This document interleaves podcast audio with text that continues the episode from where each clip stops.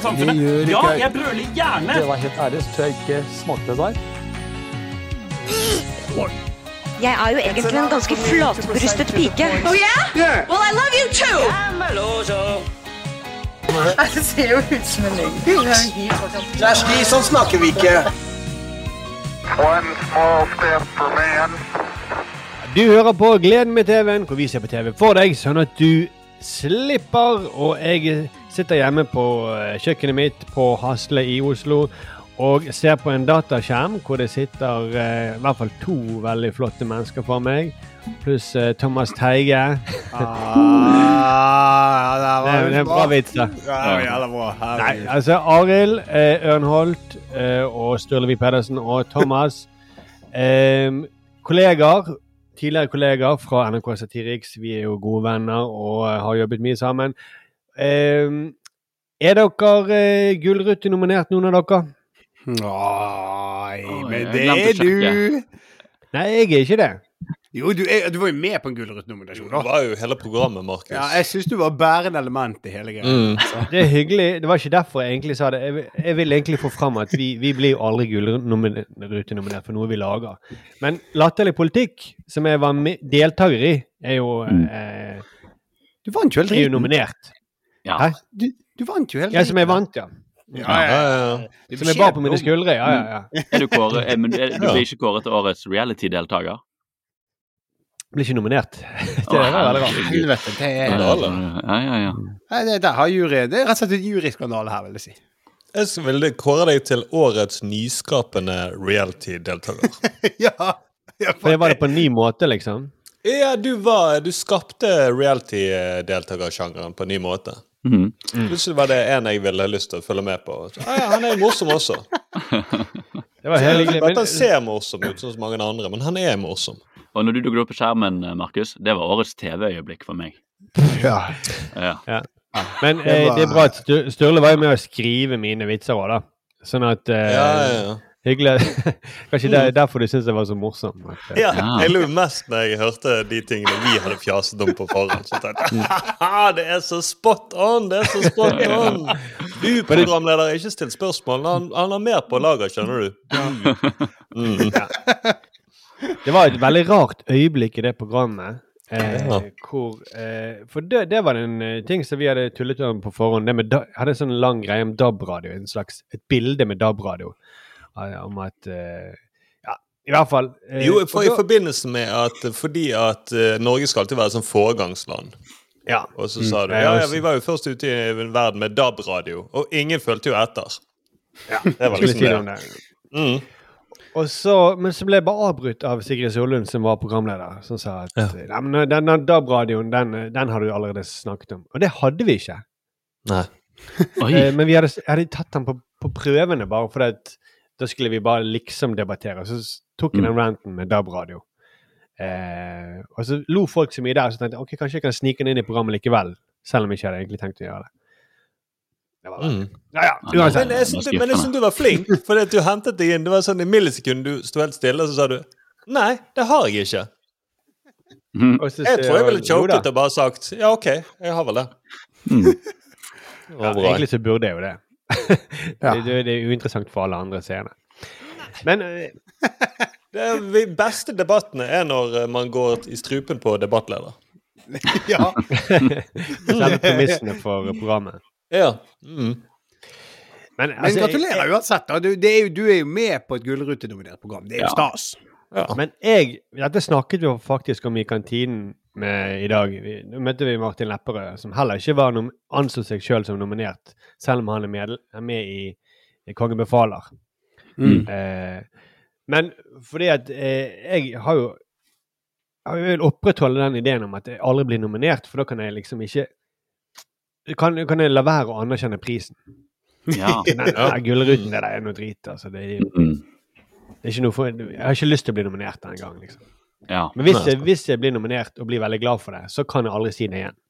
Nei, Det litt, jeg, brente opp, jeg brente opp til tidlig. Vi ble jo nominert til Komiprisen med grønnsakene.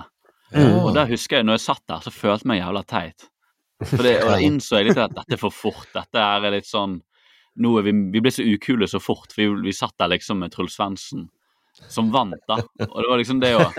Ja, Han det var, vant det var, den prisen vi var nominert for. Det er bare sånn Faen, nå følte jeg meg jævlig ukul, for jeg tapte til Truls Svendsen. Og nå er liksom Hva faen karriere har jeg i Humor-Norge igjen, liksom? ja, for hvis du først ja. stiller opp i konkurranse med Truls Svendsen, så bør du vinne. Ja, det var jævlig. Jeg husker jeg og Josef, for Josef var også nominert der. Vi var litt sånn faen vi, nå, dette var ikke, Det er kult å være her, men faen, vi tapte til Truls Svendsen. Han dukket ikke opp engang. Han bare sendte inn et sånt klipp fra et hotellrom hvor han satt i slåbrok og tok imot prisen. Det føltes jævlig teit, Ja, du Dere hadde i dratt til. Bergen. Men OK. Uh jeg må bare si, altså vi, vi tar jo opp denne podkasten på torsdag kveld. Så jeg må ha en lite øye på Manchester United og Chelsea som spiller her. Eh, men vi er, jo, vi er jo tre stykker som kan, fire stykker som kan bære den podkasten. Jeg soner ut litt. Grann. Hva, hva betyr det? dette her. da. Du Ja, kunne det, det, dette liker jeg, for dette er jo en TV-podkast, og du ser på Mm. TV mens du gjør Mm. podkast. Det er fantastisk, Markus.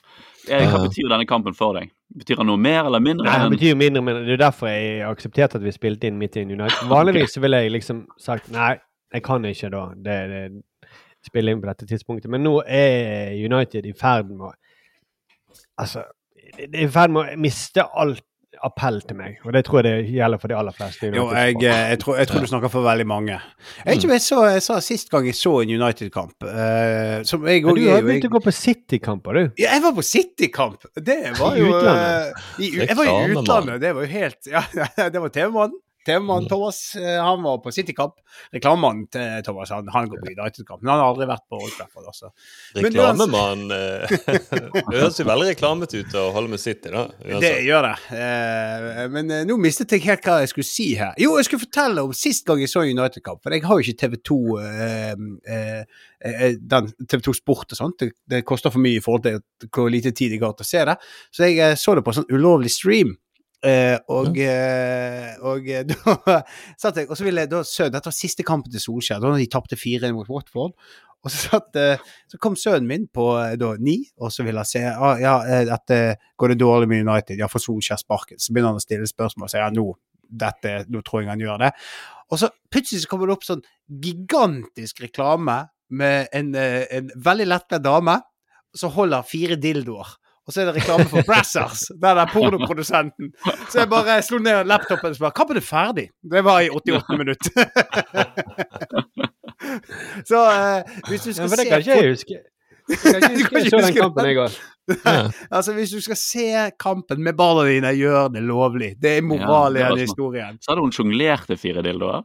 Ja, hun holdt de, hun holdt to i hver hånd. Og så var det sånne De var ikke harde, de var veldig myke. Så de var sånn der eh, de, de var mye dingling av eh, Det var vel gummipeniser, tror jeg. eh, Ja. Uten at jeg er veldig be, bevandret i det området. Eh, jeg eh, Ja, Du vil, høre deg snakke mer om dette, Thomas. hva sa du nå? Jeg vil høre deg snakke mer om dette. Matche rødfargen. eh. De var hudfarget, det kan jeg fortelle. Ja, ja. Ja, de var hudfarget. Ok. Mm. Fire hudfargede, gigantiske gummideler. Så det var vi går- Ja, unnskyld. Før vi går videre, jeg, jeg har bare en ting jeg vil ta opp. Dette har jeg så vidt nevnt for dere tidligere, men jeg har jo hørt på denne podkasten en del. Ja. Eh, som er fordi jeg er med i den. Ja. Eh, men det Tror du jeg legger fått merke at Thomas Ja. Thomas er den Sender som mailer anbefaler. til deg hele tiden. Ja. Eh, og, men da, det jeg legger merke til, er at vi, eh, og det er inkludert meg sjøl, altså, når vi snakker om TV, så bruker vi alle veldig mange engelske uttrykk. Ja, det er jo fordi det er cool og fett. Ja. Fett, fett var ikke det. Ofte fordi de snakker engelsk. Ja. Jeg choket med første forsøk. Det er det så er pinlig. Mm. Ja, nei, se Men, der. men, Men Fett det- det er så dildo. rart. Ikke fet dildo, som mange tror det var. så jeg tenkte, dette er et forslag, da. Dere kan stemme det ned. Mm. Altså, Oi. men Oi. om vi skal prøve å, å holde en sending uten å bruke engelske uttrykk Oi. Jeg Ja. Hvorfor skal vi det egentlig? Altså, er det, hva Jeg er, jeg bare er helt med, Markus. Jeg, jeg trenger ikke, ingen logisk forklaring på det. Jeg er helt med. Oi, Vi er med på. Trenger, ja, vi må liksom, vi trenger en utfordring. Det blir for lett. En Ja. challenge. Ja. Nei, en utfordring. Ja. Um, eh, Nei, det, det er bare for å ta vare, ta vare på det norske språket. Da. Det er vel bare det at vi må jobbe litt aktivt for det. Men du er sånn hvit nasjonalist, du. Neste episode. Jeg syns Vi vi skal jo snakker for være med lite i om EU hele gjengen. Altså, det, her her er det to hvite språk som slåss mot hverandre. Det er ikke Det, det er ikke Jeg kan gjerne snakke engelsk, men det, det bare høres påfallende rart ut da, å høre at det er så mye sånn At vi um, blander to språk når vi Men jeg, jeg tror jeg, tror jeg det jeg, prater tror, hele tiden. da. Jo, men jeg tror, jeg, jeg tror de gjør det automatisk mer når vi snakker om TV, for det, det er TV-sjargongen. Ja, det er riktig. Um, jeg er redd men- for at podkasten kommer til å høres veldig mye mindre kul ut. Ja, det er sånn. Ja, Mm, ja. Mindre fly. Jeg skulle bare drite i det, da. Jeg, tror, jeg, kan, jeg, kan, kan, jeg kan ikke love at jeg klarer å bare Jeg, jeg, jeg, skal, jeg, skal, jeg skal Nei, nei. tenke på det, men uh, det, det, det, jeg klarer ikke å holde noe lover. Åh, Jeg Så, er med, Markus. OK, men det, det, det, Jeg- Åh, nei. Det, det, Poenget er vel bare at det eh, Hvis vi Egentlig så skulle vi hatt, hatt det som en drikkelek. At hver gang vi sa noe feil, så måtte vi ta en slurk. Eller hver gang vi sa Ja, noe det, feil, det, det var gøy. Da er vi Ja. Det vært ikke gøy til, Kanskje ikke til en podkast, men bare til et ve- jeg kan love deg, det blitt en veldig lang episode uten særlig mange po eh, eh, velformulerte poeng. Det hadde vært en Ja. rørete sending, men vi hadde hatt det gøy. Det tror jeg. Egentlig som en vanlig sending, da. egentlig. Ja, rett og slett. Ja. Ja, ja. Bare at vi hadde vært fulle, da. Ja, det høres ut som en vanlig. så. Det var ikke sånn kjempestemning for det, merker jeg. Men meg og Arild kan jo prøve, da. Jeg er klar. Jeg skal prøve å bare snakke uh, norske ord. Huh, det er jeg i gang. Ok, dette blir Det bra. høres ut som Siri. Og så neste episode må vi prøve at det ikke er kunstig. da. Det liker jeg, Thomas. at- ja. én liker ting om gangen. Jeg liker det, Thomas, at Siri hun, eh, hun er jo engelsk, så hun snakker så rart på norsk fordi hun må liksom passe på å ikke si engelske ord hele tiden. Og der er du. Ja. Mm. For hun må ta slurk hver gang eh, hun sier et engelsk uttrykk. Eh, ja. før, før vi går i gang med vår TV-uke, er det noe som har noe annet de vil dele, som er, som er litt sånn eh, TV-relatert? Altså, eh, i forhold til TV-uken Altså, i aktualitetstingen sånn, Gullruten har jo det vært en stor snakkes. Jeg føler jo òg at vi kanskje bør snakke om dette Drag Me Out-programmet. Ok? Dette nye eh, For det, at, eh, det har jo vært veldig mange Altså, eh, de som skriver kronikker, koser seg nå. Føler Det er sant. Oh. De, de, det, dette, dette er et program som treffer kronikkhjertene eh, Kronikkfolket rett i hjertet. Mm. Eh, Ja. Og eh, har dere sett det? Du, Jeg har sett kronikkene, ja. Jeg, jeg, ja, ja, men eh, kronikkene og noen av dere som har sett programmet? jeg skumtittet litt på det nå. Samboeren min drev og så på det mens jeg gjorde meg klar til podden, og hun ga meg en solid eh da jeg gikk forbi. Ja, Ja. ok, fordi eh, altså Jeg har tatt det en titt. Jeg kan ta det, komme til etterpå. Ja, men bare si at det, det å være komiker nå i dag, det betyr at du i tillegg til å skrive vitser og manu, morsomme manus, så må du også skrive en god del kronikker eh, i løpet av året. Mm. Det, Det virker som en slags eh, standardting der. Fordi det er veldig mange komikere som skriver kronikker. Mm. Det er rart at de ikke har en annen arena å komme ut på. De må Jo, men det er jo det. De kunne jo, mange av de kunne vel bare stått på scenen og rantet rundt det. Men så Ja, Rantet, rantet er vel et uh, Ah. Ja, men meg er Ja, men vi har allerede aldri sagt 'drag me out', så jeg tenker Ja, liksom at ja, da- Mm. Det heter programmene, det må være lov til å si. Ja, men kan ikke vi oversette det på norsk, da? Ok, Sturle er veldig imot den ideen, merker jeg. Ja, nei, men Arild kan Mm, prøve å er det. dra meg er ut. så Dreg meg ut. Det Vi kan kan prøve å snakke i fullstendige setninger også, men ikke alltid at det går. Ok. Ja, jeg liker denne Sturle. Jeg liker Sturle. ute. Klørne er ute. Sturle i form nå. Du hadde, blitt en veld, blitt en veldig god drag queen. Jeg beklager, Markus. Det er det eneste ordet som finnes. Ja, det Du er det. du hadde blitt en veldig god drag queen, eh, Sturle. Ja, men hvordan vil du oversette drag, egentlig, da? Nei, det er vel ikke noe ordentlig uh, det er vel litt nesten et egennavn, ikke det? da? Kle ut dronning. Det er så, så mye. Barna våre pleier å være kle ut dronninger eller kle ut prinsesser. Ja. Men da skroter, vi, da skroter vi min idé, sånn at uh, så holder vi Sturle i Nei, du kan få gjøre det, men jeg vil ikke det- Du tvinger den over på meg, da. Nei, Men, nei, men, nei, for jeg, klarer, jeg klarer ikke å holde det, sorry. Det går ikke. Nei, nei, nei, nei og det, det var ikke Det var ikke Igjen, det var et, en forespørsel. Det var ikke noen tvinge på deg. Nei, nei, nei. nei, nei, nei. Det Dette ble veldig, dette det. ble veldig ukomfortabelt, Thomas. Jeg tror det er første gangen Markus og Sturle har kranglet. Ja, dette, det, og dette her, det Vi har bare en argument. Så. Det er helt vanlig, da. Skal bare skru av den babycallen. Men eh, Babycall, jeg vet ikke om- det feiler jo rante Jeg vet ikke om man har noe Det er vel et norsk ord som er det. men Raljer- liksom- Kan man si. Raljere, ja. Men, Mm. For da tenker jeg mer på de komikerne langt nord. Ja. De Så vi må fylle det med, med et nytt innhold, da. Ja, sant? Jo, jo. Det skal være mer i ja-fase nå. Jo, jo, må men spise litt mer og få opp eh, blodsukker, så, eh, så Jeg vil du skjønne det at det er er for veldig seint uansett. Men det vil du skjønne at det er en veldig god idé. Mm, jeg vil det. nå- Til slutt vil du skjønne det. Ja, når du Så hører reiser rundt på videregående skoler og så forteller hvorfor. Man må med å snakke norsk. Jeg liker ikke når de to pappa, jeg liker ikke, det- jeg liker ikke når de to pappaene mine snakker til hverandre på denne måten. Jeg blir usikker, jeg blir usikker på forholdet til familien. For, Vi har bare en viktig prat, Arild. Ja. for lytterne nå, så er det veldig Gråter jeg, eller er det latter? Det er- ingen som vet, det er ingen som vet. Nei, jeg tror ikke du vet det sjøl. Jeg er jo litt redd da, når dere krangler. Det er jo helt uh, sykt. Ja. Men da har dere men, har, eh, Du hadde sett litt på Drag Me Out, Arin? Jeg har fått litt eh, med meg, ja. Ja, for jeg så det på flyet. Jeg har, kom fra Oslo nå i sted og så det på flyet. Og igjen, dette var en sånn opplevelse der jeg ser noe på telefonen som jeg syns er litt flaut å se på. Um, mm. men, Hva handler men det egentlig om, altså? det handler om det som er problemet. er jo det at jeg føler at det de har solgt inn som eh, konsept, ikke er um, eh, eh, Det er ikke det de har Altså, det, det stemmer ikke overens med hva som er greit å lage. For dette er jo egentlig et konsept som jeg tror hele alle kanaler i Norge har prøvd å få sitt sånn uh, RuPaul's Drag Race. Jeg har ikke sett det. Men Arild, det vet jeg at du har sett. Jeg har sett masse av det. ja, og det Mm. er vel egentlig Kan du fortelle om det? For jeg, det, det er helt feil at jeg gjør det, hvis okay. du kjenner det godt, liksom. Det er jo liksom uh, den, en veldig ikonisk serie. Den har gått veldig lenge. Uh, ligger, alt ligger på Netflix. Hvor RuPaul, som er um, ja, en veldig kjent dragartist, da. han er programleder for dette programmet. Og det, hele poenget med det programmet er at de rett og slett skal trekke frem en haug med drag queens.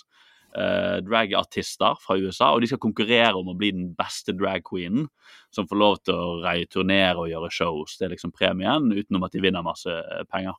Og Poenget med den serien er jo egentlig å bare fremheve hvor utrolig talentfull man må være for å være drag queen. Eh, For det er et showmanship-yrke. Det er litt sånn som um, ikoniske uh, underholdere, sånn som Sammy Davis jr. fra 60-tallet. Han som kunne synge og danse og være morsom og sjonglere og være skuespiller og være flott på en scene. Det er liksom den ikoniske fortidsmåten å være underholdende på. Det er litt det som drag queens fremdeles gjør. da. De er liksom bare gjennomført gode underholdere.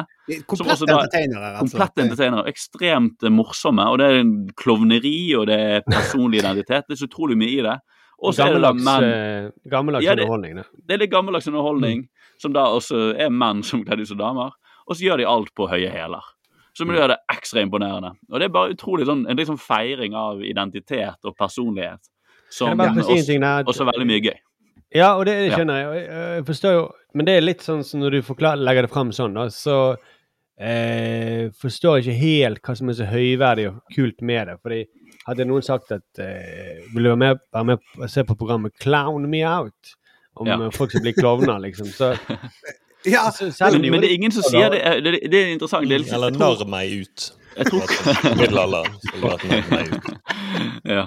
Eh, Men jeg tror på en måte det er ingen som har sett på RuPaul de siste årene som har tenkt dette er høyverdig. De tenker at det er bare pur underholdning. Men så tror jeg det blir dratt inn i en slags sånn Nå identitet er veldig viktig, vi skal snakke om dette her med eh, bli kjent med sin egen kropp, og seksualitet har blitt en veldig sånn stort eh, samtaleemne. Så da blir Mm. Paul og drag queen dratt inn i det. Når de, egentlig det eneste de vil gjøre, er jo å få deg til å le og få deg til å ha en jævla gøy kveld ute på byen. Mm. Uh, Så det er litt sånn Kanskje det også har gått litt inn i dette programmet til TV 2 at de føler de må legge mye mer mening i det enn det det egentlig er, som bare er ja, men det som er, da folk. Det som er litt eh, Dette er for øvrig Discovery Pluss eh, som har det. Eh, Beklager, men det- Thomas. Men ja, eh, Ja. det er veldig viktig for eh, Han jobber i TV 2, tenker så han ja, ja, ja, ja, det var ikke meningen. Lag- ikke noe homoprogram i TV 2. Nei, men greien Eh, Jeg lurer faktisk på TV 2 kommer med et eget drag-program, men uten at jeg vet det. Men jeg, jeg har hørt rykter. Eh, Mm. Men, men det som er greia, er jo det at dette er en kultur. Det kan vi si. Og det er en Mm. kultur som eh, jeg som eh, hvit eh, heteroseksuell mann vet veldig lite om, men vet det veldig stort. Men det som jeg føler at det man har gjort i dette programmet, er at det er norske kjendiser som Mm. er dragartistene. Og i den første episoden jeg så, så var det en uh, YouTuber som jeg ikke husker navnet på, og ikke kjenner så godt, og så var det Staysman. Herman Dahl, takk. Mm. Og, eh, og så var det Staysman. Og jeg, jeg, jeg, jeg vet ikke mye om dragkultur, men jeg føler at det gir meg liksom Jeg skjønner nok til at denne kulturen Det er ikke riktig å lære om den med Staysman. Gjennom Staysman, skjønner du? Og hele programmet oste. At jeg ser for meg når de pitchet det, så var det sånn Du, jeg har en jævlig god idé til en uh, TV-serie. Bare se for dere dette. Bare se for dere dette. Staysman i dameklær. Hæ? Hæ? Kom igjen, nå! Og så har de bestilt det, og så har de etter hvert funnet ut at faen, ja, men dette er jo en kultur, det er mye mer. Og så har de liksom pakket på sånn moral og identitet som ikke oppleves genuint i konseptet. Så hele greien gir meg bare så jævlig sånn flau og flau smak i munnen at dette er sånn Intensjonen og det de forteller, det henger liksom ikke sammen. Det er sånn påtatt moral over som ikke Det, det, er bare sånn Hele greien for skurrer og gir smak i munnen. Kritikken har kommet Adam Kjølberg, din venn, eh, Thomas. Ja, Han han har jo vært Han har skrevet eh, om det, at hvorfor eh, Hvorfor skal Når de skal endelig skal lage et eh, et eh, program Det er jo anledning, det er vel 50 år siden de opphevet eh, loven mot homofili i Norge. Ja. Mm. Eh, så markeres det med at heterofile liksom får prøve homokultur. Mm. På en måte kan du tenke sånn Å ja, for å bli kjent med et fenomen, så er det fint å følge noen som ikke kan noe om det, inn i det. Men Mm. på den annen side så vil du også bare Det du, det hadde vært gøy å se, det var folk som var utrolig flinke til det. Det husker jeg Mm. det som var min første Jeg tror jeg sa dette på denne poden når jeg fikk, først fikk høre om det. Det bare er så feil inngang, da. Hvis man, Ja. Dette virker som program man lager når man har introdusert denne kulturen med en annen hit. da. Det kunne vært spin-offen til et annet program. Og I hodet mitt så fikk jeg litt sånn at det er som at Stace, de skulle lage et program hvor Staysman skulle få lov til å prøve seg på Def Jam, Comedy Jam. Med, lage med masse svarte folk i publikum og lage Chris Rock-humor. Det er sånn Velkommen inn i en sånn subkultur som har en veldig spesifikk stemme, som er en grunn til at det har blitt til det det har blitt, og så skal den hvite underholderen komme inn og kose seg, liksom. Ja, Norges største kjendissame. Ja, de skal fange reir, og de skal joike. Hvem er den norske Ja, men det, det er jo laget sånne programmer, da. Det er sånne Ja, det er Folk som ikke kan joike, de skal joike. Ja. Men, Ja, det men det, det, det skriver jo også Yes, der skårer Ronaldo. Helsike. Der skåret Ja. Ja, ja. Du 1-1. sa til og med yes. Okay, Du skulle sagt ja. nå ble jeg mer blid igjen. Nå kan vi gå Du skulle sagt ja, Markus. Du skulle sagt ja. Jeg skulle sagt ja, men, eh, men eh, Ståle likte ikke det. Så det skal Yes! Ble glad. Mm. Ja, det ble jeg glad. Da skjønte jeg at han skåret. At vi ikke skjønte. Jeg kunne sagt kunne jeg sagt. Du kunne sagt yeah. Men det er fucking awesome. Men, eh, men som han er Tor Martin Bø, vår eh, anmeldervenn som har, anmelder alt, virker det som. alt fra musikk til TV-programmer i VG. Han, eh, han skriver det ganske god anmeldelse, at hvorfor må det være heterofile? Det er greit. Og hvorfor må det være kjendiser? Som vi også har snakket mye om. Det er kanskje det største problemet med dette. At de er kjendiser. Ja. Men det er vel sånn alt lages nå, så er det jo bare også kjendiser på slutten av setningen. På slutten av pitchen. Ja. Ja. Eller du begynner pitchen. Se for deg kjendiser. Okay. Og det, Så. ja, men det, Og så bruker, de, og så, og så bruker de resten av tiden til å utvikle hva kjendisen skal gjøre. da. Ja, men, Så men ideen er Staysman. Mm. Ja. Ta på seg dameklær. Jeg tror det bare begynner med ideen er Staysman og Herman Dahl. Og så, ok, vi må Mm. finne noe de kan gjøre. Noe ja. Og så er det så mye Lage folk mat. Ja, Spise mat. Slanke seg. jeg, jeg tror, og Vi har jo snakket om dette mange ganger, men nok en gang, hvor fett hadde det vært hvis det var en homofob familiefar som fikk lov til å bli introdusert for denne kulturen. Hvis vi først skal ta folk som ikke er involvert. Men det virker jo som De har jo ikke lyst til å komme med et budskap, som du sier, Thomas. De bare innså det når de etter de fikk det bildet av Staysman i dameklær i hodet. Så måtte de bygge et program rundt det. Det, det føles litt sånn. Og så- Mm. Men hele, hele gangen i programmet òg er sånn derre De har lagt opp til at vi skal le av Staysman i dameklær, og så må de hele tiden sånn, se inn i kameraet og bare 'Å ja, den var fin, ja. Kanskje jeg føler meg litt frigjort igjen.' Altså, de, det er så jævlig Mm. kunstig. Ja. Det er ingenting Hele greia er bygget opp for at du skal le av norske kjendiser og lotepus det er jo som lotepus jeg så også er, på et tidspunkt når det skummet forbi det, at han går jo Fordi de har jo på seg falske pupper og sånn også, så du får også sånn øyeblikk hvor liksom du vil lære av at Staysman er litt sånn trans fordi han har pupper og, og penis. Og han liksom 'Oi, dette ser jo ikke bra på meg', wow, wow, wow. Men det er veldig viktig at jeg gjør det. Fordi, vet jeg, altså, det er ikke det som er, det er, ikke det som er liksom For det første er jo det å kle seg ut som menn seg ut som damer, er det eldste komedietrikset i boken. Det er jo Mm. Det, det er Det kunne vært Miss Dubfire Me Out. Så hadde det vært Ja. eh, egentlig på Staysman. Men, Ja. men, eh, men, men det, det er liksom dramaturgien som det virker som Dette er bare basert på anmeldelsen og traileren jeg har sett. At eh, det virker som om eh, de, de skal liksom alle skal oppdage det at å ja, ved å kle meg ut på denne måten, så kan jeg endelig være meg sjøl. Skikkelig. mm. Ja, men Så det, det, det, det, at de på en måte, det er underteksten i programmet, eller det er liksom det som er målet med programmet. At de skal Ha-ha, vi skal le, men eh, så har vi en dypere mening. At egentlig får vi fram de innerste følelsene mine. Og den dypere meningen kommer de på etterpå, og det, og det har Ja. ikke integrert i programmet. Og så er det også sånn Og hva er showet, som du sa, Arild, uh, igjen? Uh, RuPaul og din erfaring og hvordan de eh, Altså, de er komplette entertainere. Det de gjør, er jo at de tar på seg dameklær, så mimer de til en kjent låt. Ja. Det er jo ikke Det er vel ikke Nå Så igjen, det er vel ikke godt nok, er det det? Nei, altså noen gang RuPaul de tar jo de her damene som er der. Eh, de, de går, gjør jo alt som må til for underhold. De gjør standup, de gjør skuespill, de gjør de synkroniserte dansenumre. De gjør liksom absolutt alt. da. Så noen gang er det som er så imponerende med dem. Og da er jo også poenget, det de får fram der, er jo at det å kle seg ut som en drag queen, det er jo en frigjøring. Og, og alle de her så- deltakerne har jo det mest De konkurrerer jo å ha den sykeste eh, bakhistorien til eh, hvor traumatisert de er og livet sitt, og hvorfor denne veien med drag var veien hvor de kunne uttrykke seg og bli den de egentlig ville. Og det, ligger, det er derfor det er så bra program, for det ligger mye tungt i det, og så blir det veldig frigjørende og deilig, og det er den evige dansen de gjør i det programmet. Og her, nok en gang, illustreres det til veldig sånn enkel underholdning. Og så bare fikk jeg en kritikk fra samboeren min som eh, jeg måtte få inn, og det var at Janne Formoe var skikkelig dårlig programleder. Ja, hun, men eh, hun går i en sånn der eh, eh, For det er hun Det som er veldig uh, Dette her er uh, Dette ble diskutert på jobben i dag. Jeg, jeg skal jo i gang med et studioprogram. Og det, da ble hun- Janne brukt som et eksempel. For hun går inn, og så skriker hun som om hun er på liksom eh, VG-liste. Ah, 'Velkommen til Drag Me Out!' Og så er det liksom Du har mikrofon der, og dette er TV-program. Ja, det er publikum der, men du skriker til TV-seeren. Oi, helvete! Sant? Det, Det det var var- akkurat sånn det var nå når jeg gikk nå, og hun fikk med meg akkurat tampen og en av de vant, og så hører jeg bare hun sånn 'Du vant! Dette er det mest utrolige noensinne! Dette er så fantastisk!' Det var bare sånn Hva er det som skjer? Samboeren var bare sur fordi hun følte hun gjerne Formoe bare var helt i veien. ja.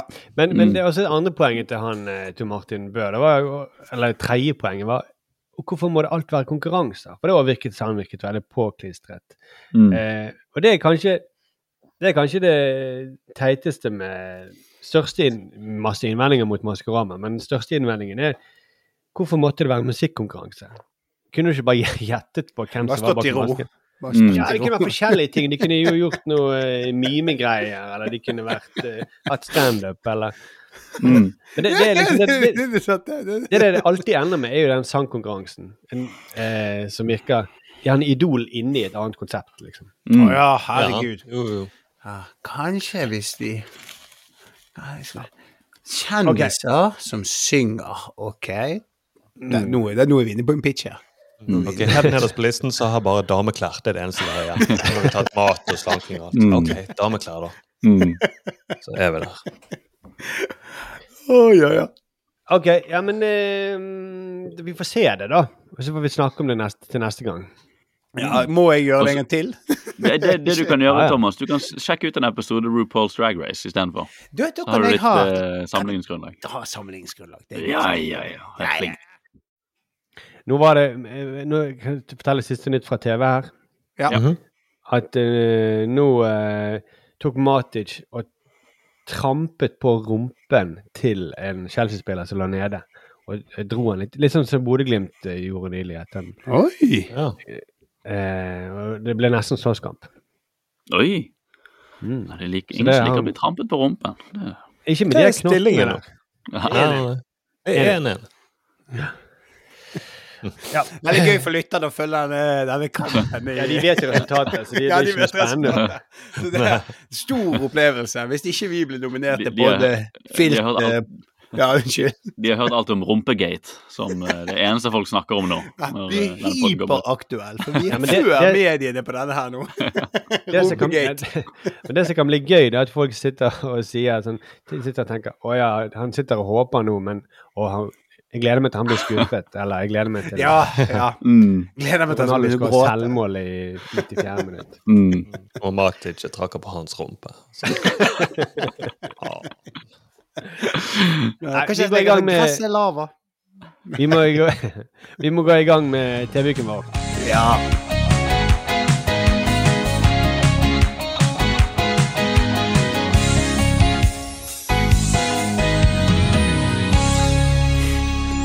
Ehm, ja, Thomas, eh, du har jo allerede nettopp snakket veldig mye om den tingen du har sett. eh. ja, jeg har sett mye mer, jeg. Men jeg, kanskje noen andre skal få ordet. ja. Sturle, du, hva har du sett? Nei, jeg har sett Det har vært litt sånn dårlig TV-uke. Vi har jobbet veldig mye, Markus, eh, de siste syv dagene har vi nesten jobbet. Ja. Alle kvelder og så videre. Så jeg har ikke fått sett så mye, men jeg begynte å se nå et program. Egentlig fordi at jeg leste en artikkel for noen uh, uker siden om en munk, buddhistisk munk, uh, på nrk.no. Som lever et eller annet sted oppe i Gjøvik eller noe sånt. Det var ikke det jeg forventet, men det var gøy. Nei, nei, nei. Jeg forventet det ikke sjøl heller. Um, kanskje var på et veldig mørkt sted når jeg leste om han, så tenkte jeg ok, han lever enda tristere liv enn meg. Det trodde jeg først, da, men jeg, jeg tok feil. Og så viser det seg at Netflix uh, hører jo hva jeg tenker. Så på anbefaling så fikk jeg opp en uh, dokumentar som het Atos. Som da handler om munker. Mm. Som handler om munker som lever på en gresk halvøy. De, de tilhører den ortodokse kirke i Konstantinopel. Og de vier jo da sitt liv til Gud. Men så slo det meg at shit, de lever et fantastisk liv. Altså Det er noen menn som bor på en halvøy, og så gjør de bare det de elsker mest. Det er bare, Og de gjør bare det. Det er virkelig bare det. Jeg tenker så Hva, er- sinnssykt hva er det for noe? At de suger hverandre, eller at de Nei, det er i hvert fall ikke dokumentarer. er det. Det de gjør, er at de ber uh, til Gud. Det er liksom det de gjør.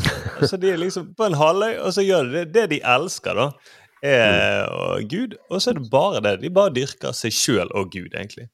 Så hvis vi hadde hatt en halvøy, da, og vi elsket å lage podkast, og det var vi bare laget podkast hele tiden. Brutt all kontakt med familie. De har ikke, de har ikke kontakt med sine foreldre lenger. Og så hele livet så er det bare det de gjør. De bare Vi holder bare på med podkast. Og både, hvis vi hadde bodd på samme type øy, så får du bare lov til å være menn der. Og så alle dyrene vi har på denne øyen, det er bare hannkjønn. Det er også en sånn streng regel de har. Altså alle husdyrene, eller alle, alle dyrene som kommer inn på øyen? Ja, alle husdyr og sånn. Husdyrene. Ja. Ikke de De ville dyrene. Nei, nei, de har ikke de kontroll på. Men Nei. det eneste dyret les, for Jeg måtte lese litt om dette, det var ikke i eh, dokumentaren. nå, Men eh, det eneste de hunndyret de får lov til å ha som sånn husdyr, det er katter. Og det er jo sikkert fordi at det er veldig mye rotter og mus i villmarken. Og de tar ikke hensyn. De mikser både hann- og hunnkjønn. Og får masse rottemus og eh, rottebarn. og sånt. Rotteunger og museunger. Så da er det ok, der, så der eh, De er veldig glad i Gud, men der så må de selvfølgelig strekke litt på det. Men det, det skjønte jeg ikke. At, at det, det, hvorfor må det være hundkatter når det er eh, hundmus? Nei, altså sånn at eh, Fordi at eh, katter Du må ha mest mulig katter, sånn at du kan Ja. få lov til å jakte på rottene og musen. Ja, jeg skjønner. Sånn at ikke de ødelegger den Altså Hvis det hadde vært oss på vår podkast, så hadde ikke gnagd i stykker ledningene våre. Det hadde vært, det hadde vært utrolig digg å være en podkastmunk. Ja, Ah, det eneste du Ja. gjør, du holder på med podkast. Det er vel egentlig det, det, er vel egentlig det Tørnquist gjør. Han er på en måte. mm, Han og ja, Morten Ramm også, tror jeg. Det er veldig mange podkaster. Mm. Og så får de, og så ja. med disse munkene, det betyr så mye da for uh, den uh, ortodokse kirken. da. Så de får jo masse millioner. altså sånn, leste om at Russland gir masse millioner. Putin, ikke nå, da, for nå er han opptatt med en krig. Men uh, han har vært der mange ganger også. Sånn at de, Hvis vi hadde hatt den vært vårt egen øy, da, så hadde vi fått sånn Ja, av Russland, da, hvis det var noen som digget oss, så hadde vi fått 300 millioner dollar til å bygge studio. Fordi at de elsker oss. Og de syns det er dødskult at vi får lov til å dyrke våre egne ideer. De sier jo, de her eh, munkene de sier jo sjøl at målet er å hjelpe folk å samle seg og finne indre fred. Og så litt seinere så er det intervju med henne, og så sier han munken jeg liker vinteren best fordi da er ingen besøkende eller pilegrimer. Så kan jeg lese og be. Så du skjønner at dette er jo en De holder på med dette i tusen år, og de har bare dyrket seg sjøl. Ja. Hvis de gjør en god jobb som munk, så er jo de garantert eh, billett inn i himmelen. Ja, Mm. ja. Det er introvert de- island. ja, Mm. det De er sitter egentlig på Vi De Mm. får betalt for å sitte på første klasse de til himmelen. Ja, rett og slett. Og så er de så lurt, sant? for det de har laget, er at de lever et veldig stusslig liv. Og alle syns synd på dem. Men så er de kjempefornøyd. Og Mm. når det er jul, så fikk han ene han fikk tilsendt gaver av søsteren. Han har ikke noen kontakt med henne, men hun sender gaver. Og da var det bare Shit, jeg fikk nye joggesko av søsteren min. Herregud, det er dødsbra, sier den andre. Oi, jeg fikk sokker. Har du lyst på noen sokker? Ta noen sokker. Wow, vi har nye sokker. Mm. Det er kjempedigg. Ikke at de der By og Rønning skal lage noen sånn her ut- og navesang mot disse munkene, men de eh, lever jo veldig fint. Ja. Men de, de, bortsett fra at de, de får ikke ha sex, da. Det, Ja, Men for, men for de betyr det jo ingenting, da. Jeg tror på et tidspunkt så bare glemmer de at det finnes. Ja. Det er jo det sånn det må være. Og hvis de bare er omringet av mannlige dyr, og alle er heterofile, det liksom De må bare på et tidspunkt ikke huske det engang. Nei, jeg tror for de så er liksom sånn de er, Ok, snadder kommer jeg til himmelen, det kommer til å bli utrolig bra. Og den følelsen av å få nye joggesko til jul uh, Det er akkurat å stikke foten ned i Dødsdigg. Da lurer jeg på sånn, Men hva tenker de at de skal gjøre i himmelen som blir så jævla mye fetere enn det Det de er gjør der der? de skal pule så jævlig. Det det de skal gjøre. Er bare det er derfor de holder ut her nå. Fordi er iallfall masse Ja, men- eh, husdyr som har håndskjønn. da. Ja, fordi det tror jeg om sånn her, For det tror du sier, Thomas, tror jeg kan jeg tro om sånn konservative kristne i USA som bare holder inne så jævla mye sånn seksuell frustrasjon og bare sånn «Å, Når jeg kommer til himmelen, skal jeg knulle hvem jeg vil. Men hvis du liksom eh, har rundet det på jordkloden, og du bare sånn innser at jeg kan bare bo på en øy, og det går fint Hva mer kan himmelen tilby, tenker jeg. Ja, nei, det er knulling, da. Ja. Det er liksom det. Ja, det er kanskje det, da. Men jeg bare tenker at de har virkelig altså, sånn Man ler jo mye av uh, Bill Gates og andre rike folk da, som dyrker seg sjøl, altså bare har sine egne ting. De dyrker sitt eget liv, da. Men disse munkene de har man møtt veldig mye respekt, da. Men det de gjør egentlig, er jo bare å dyrke seg sjøl. Mm. Men det er litt apropos der, for jeg hørte eh, Bill Maher bli intervjuet av Joe Rogan her nylig. Jeg hørte hele podkasten. Eh, og de er jo De eh, lever ganske likt type liv, tror jeg. Ja. De dyrker bare seg sjøl. For det, Mm. det er typisk sånne, noen av disse kjendisene. De, når du hører de prater, så prater de veldig mye om sånne life hacks. Ja, 'Jeg faster fem dager i året'. Altså, de, bare, de er veldig opptatt av seg sjøl, og hvordan bygge seg sjøl, og hvordan ha det diggest mulig. Mm. Munkene faster også. Ja, sant? og jeg eh, drikker så og så mye vann hver dag, og jeg bruker eh, kettlebells hver morgen når jeg driver yoga. og. Nesepust er en stor greie òg. Ja, sant? Bare puste med nesen.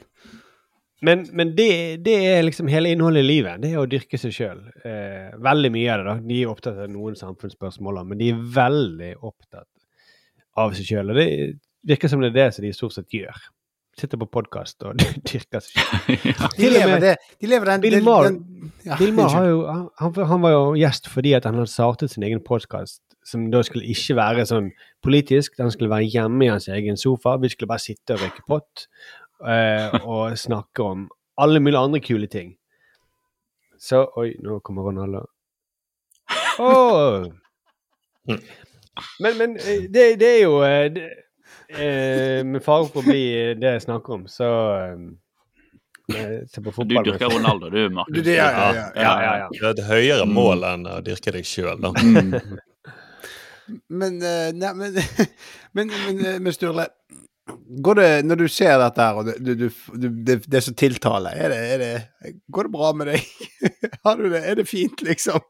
Ikke spør om det, Thomas. Og det er koselig. Nei, men det, går, jo men det som er fint, er jo at Eller det som er Det en av de munkene sier, er jo at sånt Den følelsen av å skape noe permanent snakker, snakker han om idet de holder på å bygge opp et kloster. Det fyller menneskets sjel. Tenk at De er veldig lik som oss andre, da, som skaper ting. Mm. Du får en glede av ok, hvis dette Sånn som nå, når vi lager en podkast, så tenker jeg ah, shit, vi laget noe sammen. Mm. Men vi blir ikke sett på på samme måten som munkene. Nei. For de er jo på en måte puler. superstjerner. Ja. Ja. Ja, for vi puler masse. Masse!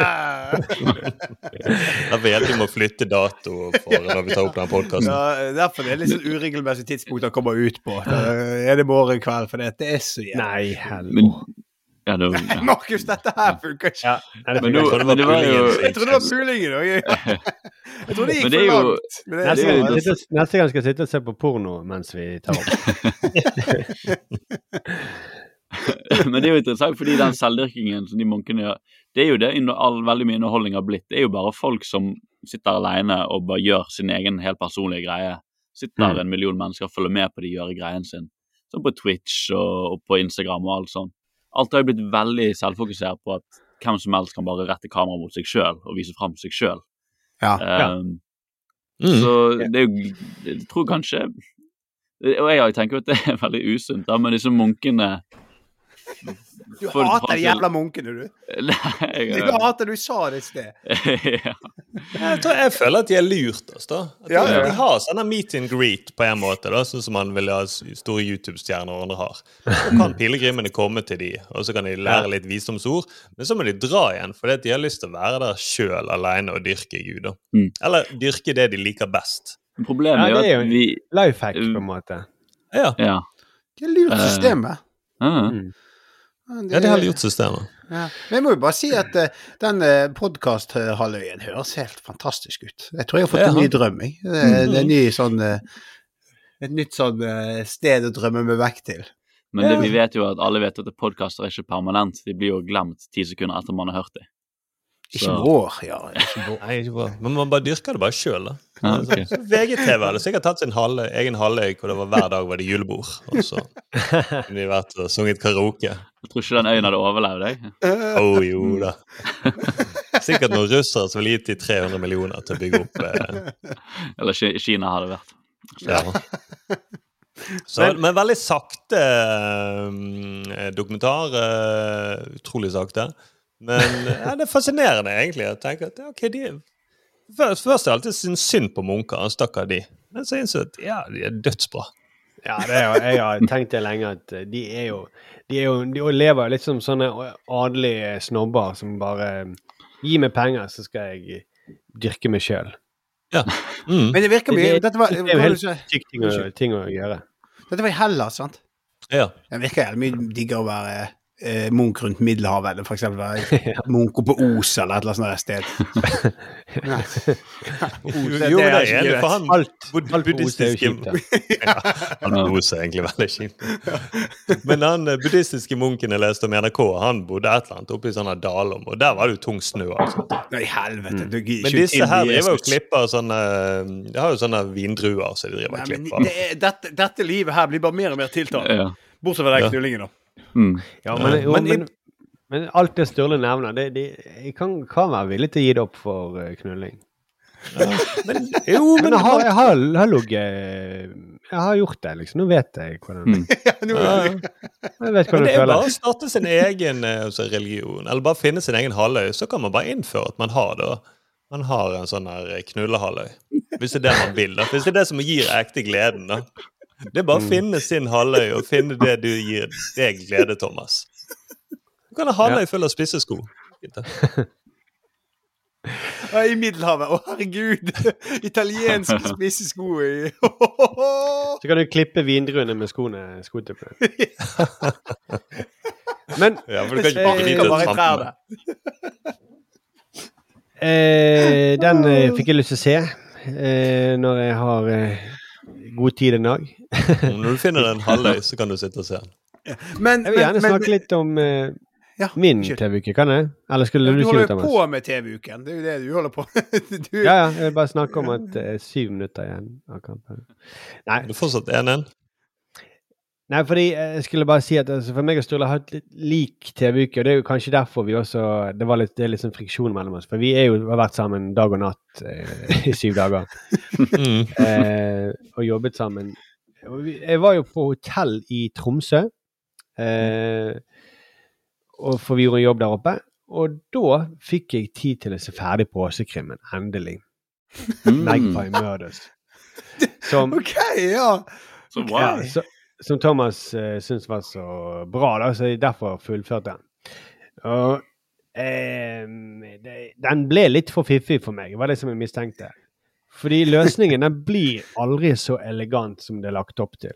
Det var liksom anagrammer, og det var sånne clues Oi, nå gikk jeg Det er sånne clues i eh, den romanen som han, den avdøde hadde skrevet, som liksom skulle hinte til hvem som hadde drept den, og bla, bla, bla.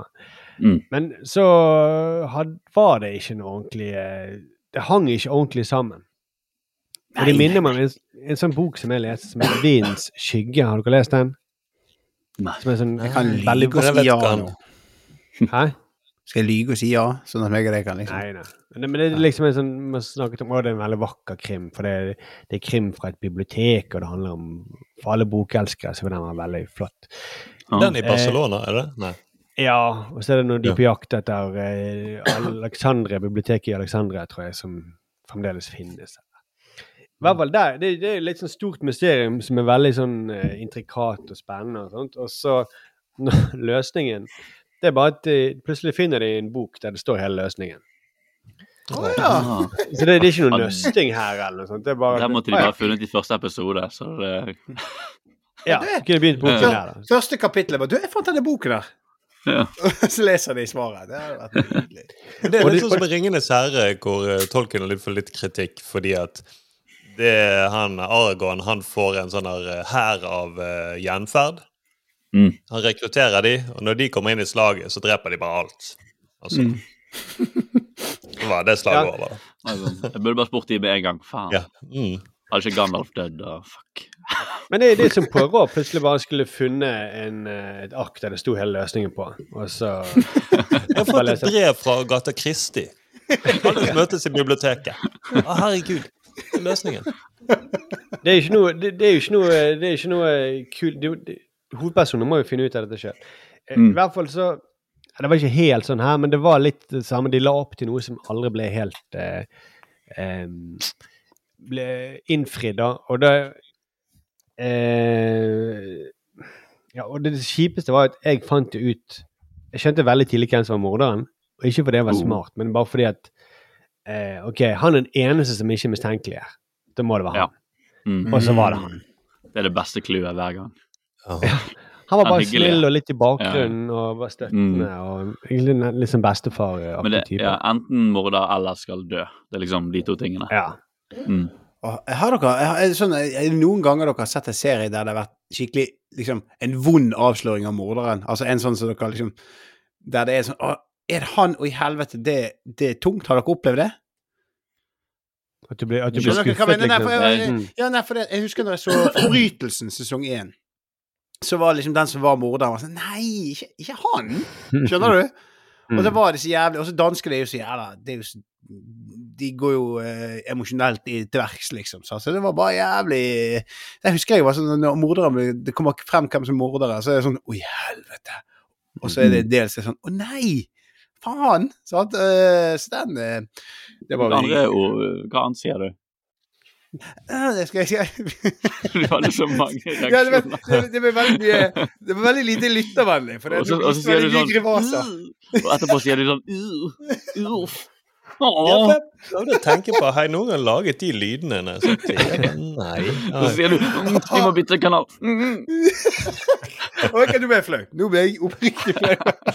Men, men, men, men eh, i de lydene du laget, tolket det som at du, For du liker eh, den personen, og så blir du skuffet på en måte av at det er han som er morderen? Ja, eller ja det, var, det var vondt at det var han som var morderen. Det, det er sårt. Jeg skal ikke jeg vet, Nå vet ikke hvor jeg skal Jeg klarer ikke, jeg klarer ikke å si dette med ord. Jeg må nødt til å si men det- Ja, men det mindre om det de-. Det minner om de lydene som jeg lager når Chelsea scorer, da, for eksempel. Ja. At, å, å nei, ikke, nei, de gjorde ikke Å, det nå, ikke men Å, ja, ja. Det er Var det han alltid som noe kjent. Eller de lydene var- når fire dildoer kommer opp eh, rett før man smekker sammen eh, Du blir mindre, mindre flau av det. Men, så det var en dårlig anbefaling, eh, Thomas, rett og slett. Ja, ja, ja, ja, ja, men det, det, det er jo påskekrim. Det er jo liksom Det, det skal ikke være Du skal ikke derfor Jeg går tilbake til det jeg sa når vi så på den her uh, Murder on the Nile. Se det som en film, for da blir du bare ferdig. Og bruke det på sånn en TV-serie. Du, du bruker så mye av livet ditt på det, og så blir du skuffet til slutt. Ja, jeg så det til og med etter påsken, og da var det liksom, Ja. det var veldig Det må jo nytes med litt uh, Med litt påskegodt og er kanskje en påskepils. Det er altså ikke det samme. Bare vær glad du Du- ikke fly, jeg bare vær glad du ikke satt på flyet, og folk så at du så på påskekrim etter påske. Ja, fy faen, så flaut. Det er flaut. Men Thomas, du burde blitt programleder for sånn Påskelabyrinten eller sånn P1. Åh, Når du måtte du sier litt sånn påskegodt, og du så ble du plutselig 50 år eldre. Det er drømmen min, Markus. Det er drømmen min. Være på en halvøy og så drive Drive en påskekrim. påskepodkast. påske på en halvøy der. Og Men spise påskegodt og Men så det vil også bare si også, jeg har sett en Etter Arild snakket om AlphaGo, den dokumentaren, uh, ja. så så jeg den, da. For den ble jeg litt sånn eh, nysgjerrig på. Eh, og den er Mm. veldig bra. Den ligger ikke på Netflix lenger. Kanskje den lå der før, men den ligger på, Nå, nå. he hele ligger på YouTube. Ja. Hva var det du sa den het? AlphaGo. Eh, det er da den dokumentaren om de som har laget et, eh, et sånt program som eh, Sånn som man har gjort med sjakkcomputerne. Å ja, det var de det! laget Jeg stemmer det. Ja, ja, ja. Beklager at jeg er litt treig her nå. Til alle lyttere. Jeg er rett og slett mindre intelligent. Beklager. Bare at de har laget det da til et kinesisk Jeg spill hørte det på lydene, Thomas, synes jeg Jeg tuller. Sorry, fortsett, Markus. Nei, de har laget et kinesisk spill som heter Go, eller Go, eller hvordan du uttaler det. Som er liksom eh, Kinas eh, variant av sjakk, da. Som er, det, det er dritstort her borte. Eh, og da eh, Det er ganske kult bygget opp, den dokumentaren. For du møter først europamesteren i går. Eh, han bor i Frankrike. Han er, han er vel kinesisk innvandrer til Frankrike. Eh, og da ser du liksom hvordan AlphaGo-teamet de eh, jobber for å klare å slå han. Eh, og det, det er en stor seier for de da. Mens i Asia så bare fnyser de av det. Fordi europamester, det er jo ingenting. Altså, det er jo Som du er Færøymester i fotball, liksom. Det, det, har, det, det har ingenting for de å si. Eh, for de spillerne de er på et mye, mye mye høyere nivå, og så følger du da resten av dokumentaren, så følger du da teamet eh, som skal møte Magnus Carlsen i gårverden. Det er da koreanske Lee Sedol. Eh, og han er litt av en type. Han er ganske tiltalende fyr. Eh, han har ganske sånn kule klær og litt sånn skjev klippet lugg. Sånn eh, han, han, han både ser ut og oppfører seg som en, en slags kunstner, da. Og han er en veldig åndfull type. Eh, veldig annerledes enn Magnus Carlsen på mange måter. Jeg har et lite klipp, så du kan bare høre Jeg skjønner ikke hva han sier her, men eh, du kan høre når han snakker. 패배의 순간 사람들이 한호를 했다라는 얘기를 들었는데 그 이유는 명확하죠. 약간의 무력감, 두려움. 아 정말 이렇게 우리 인간 나약한 존재였나. 제가 이김으로써 정말 아직은 지켜냈다고 생각이 드는 그런 순간이었을 수 있고 이제는 앞으로 인공지능을 이기긴 정말 힘들어지겠지만은 Ja, Du får jo følelsen av at det er liksom Hæ? Var- Var det han som snakket hele tiden her? Ja. Du får jo følelsen av Ja. at det er en sånn læremester, eh, eller lærekvinne, eller Som snakker til deg ned fra himmelen, da. Nå holdt jeg på å si. Ja, jeg, jeg Men- tenker at han En- akkurat en har ny- sett en mord, morder i en serie. Eh, For han har lagd sånne lyder.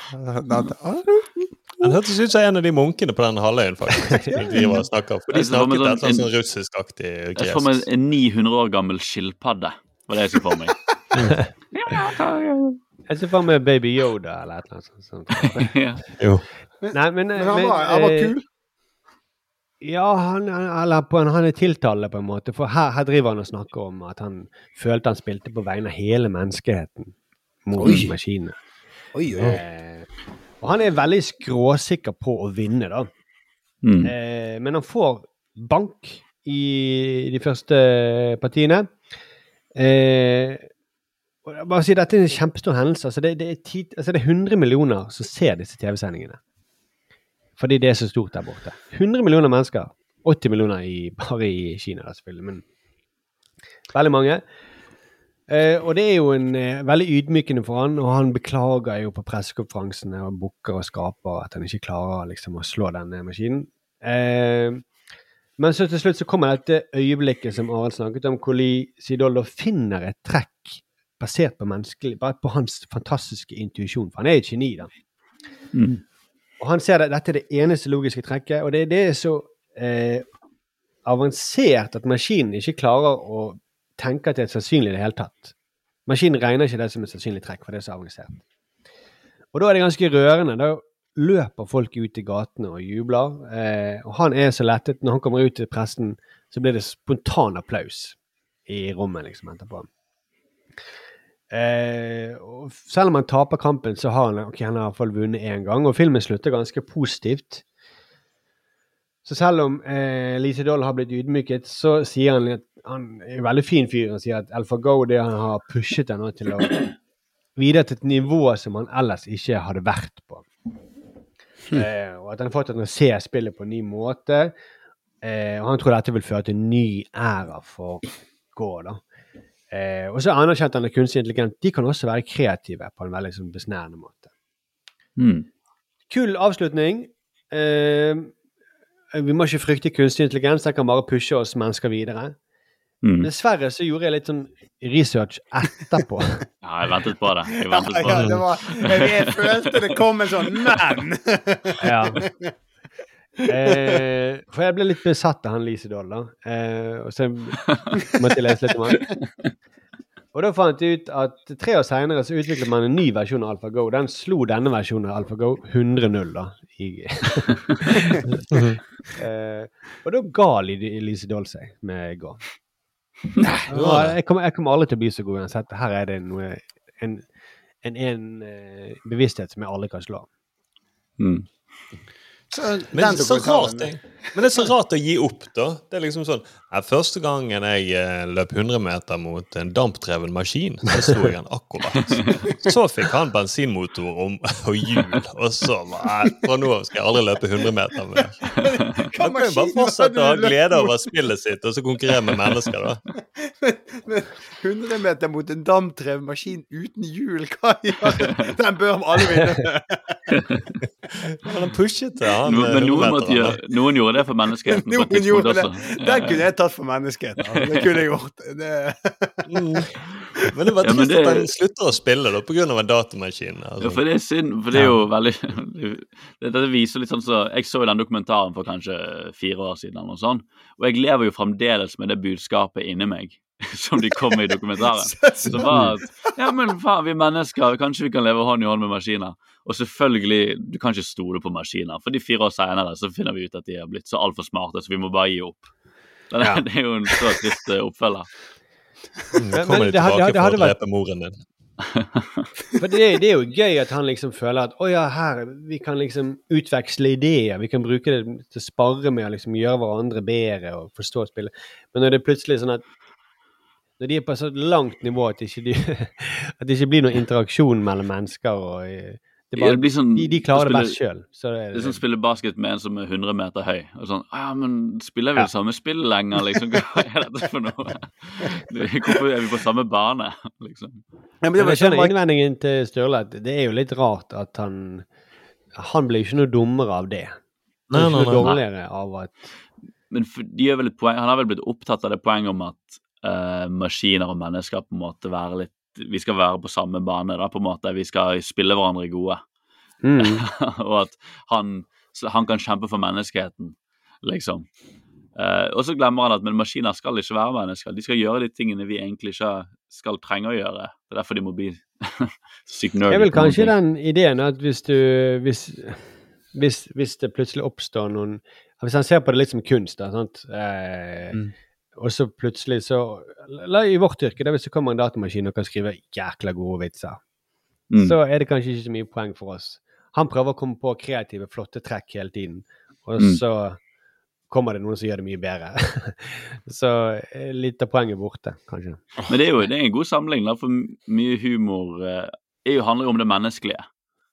Ja. Gjenkjenneligheten, og det, du skal ikke bare kjenne det skal ikke bare være universelt, det kan også være utrolig spesifikt, en veldig spesifikk person sin opplevelse.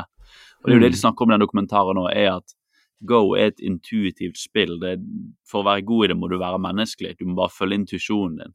Som også er så veldig forførende og fin ting å si. Uh, og det er den store premisset her ja, i dokumentaren, er jo at plutselig skal maskiner også kunne være intuitive.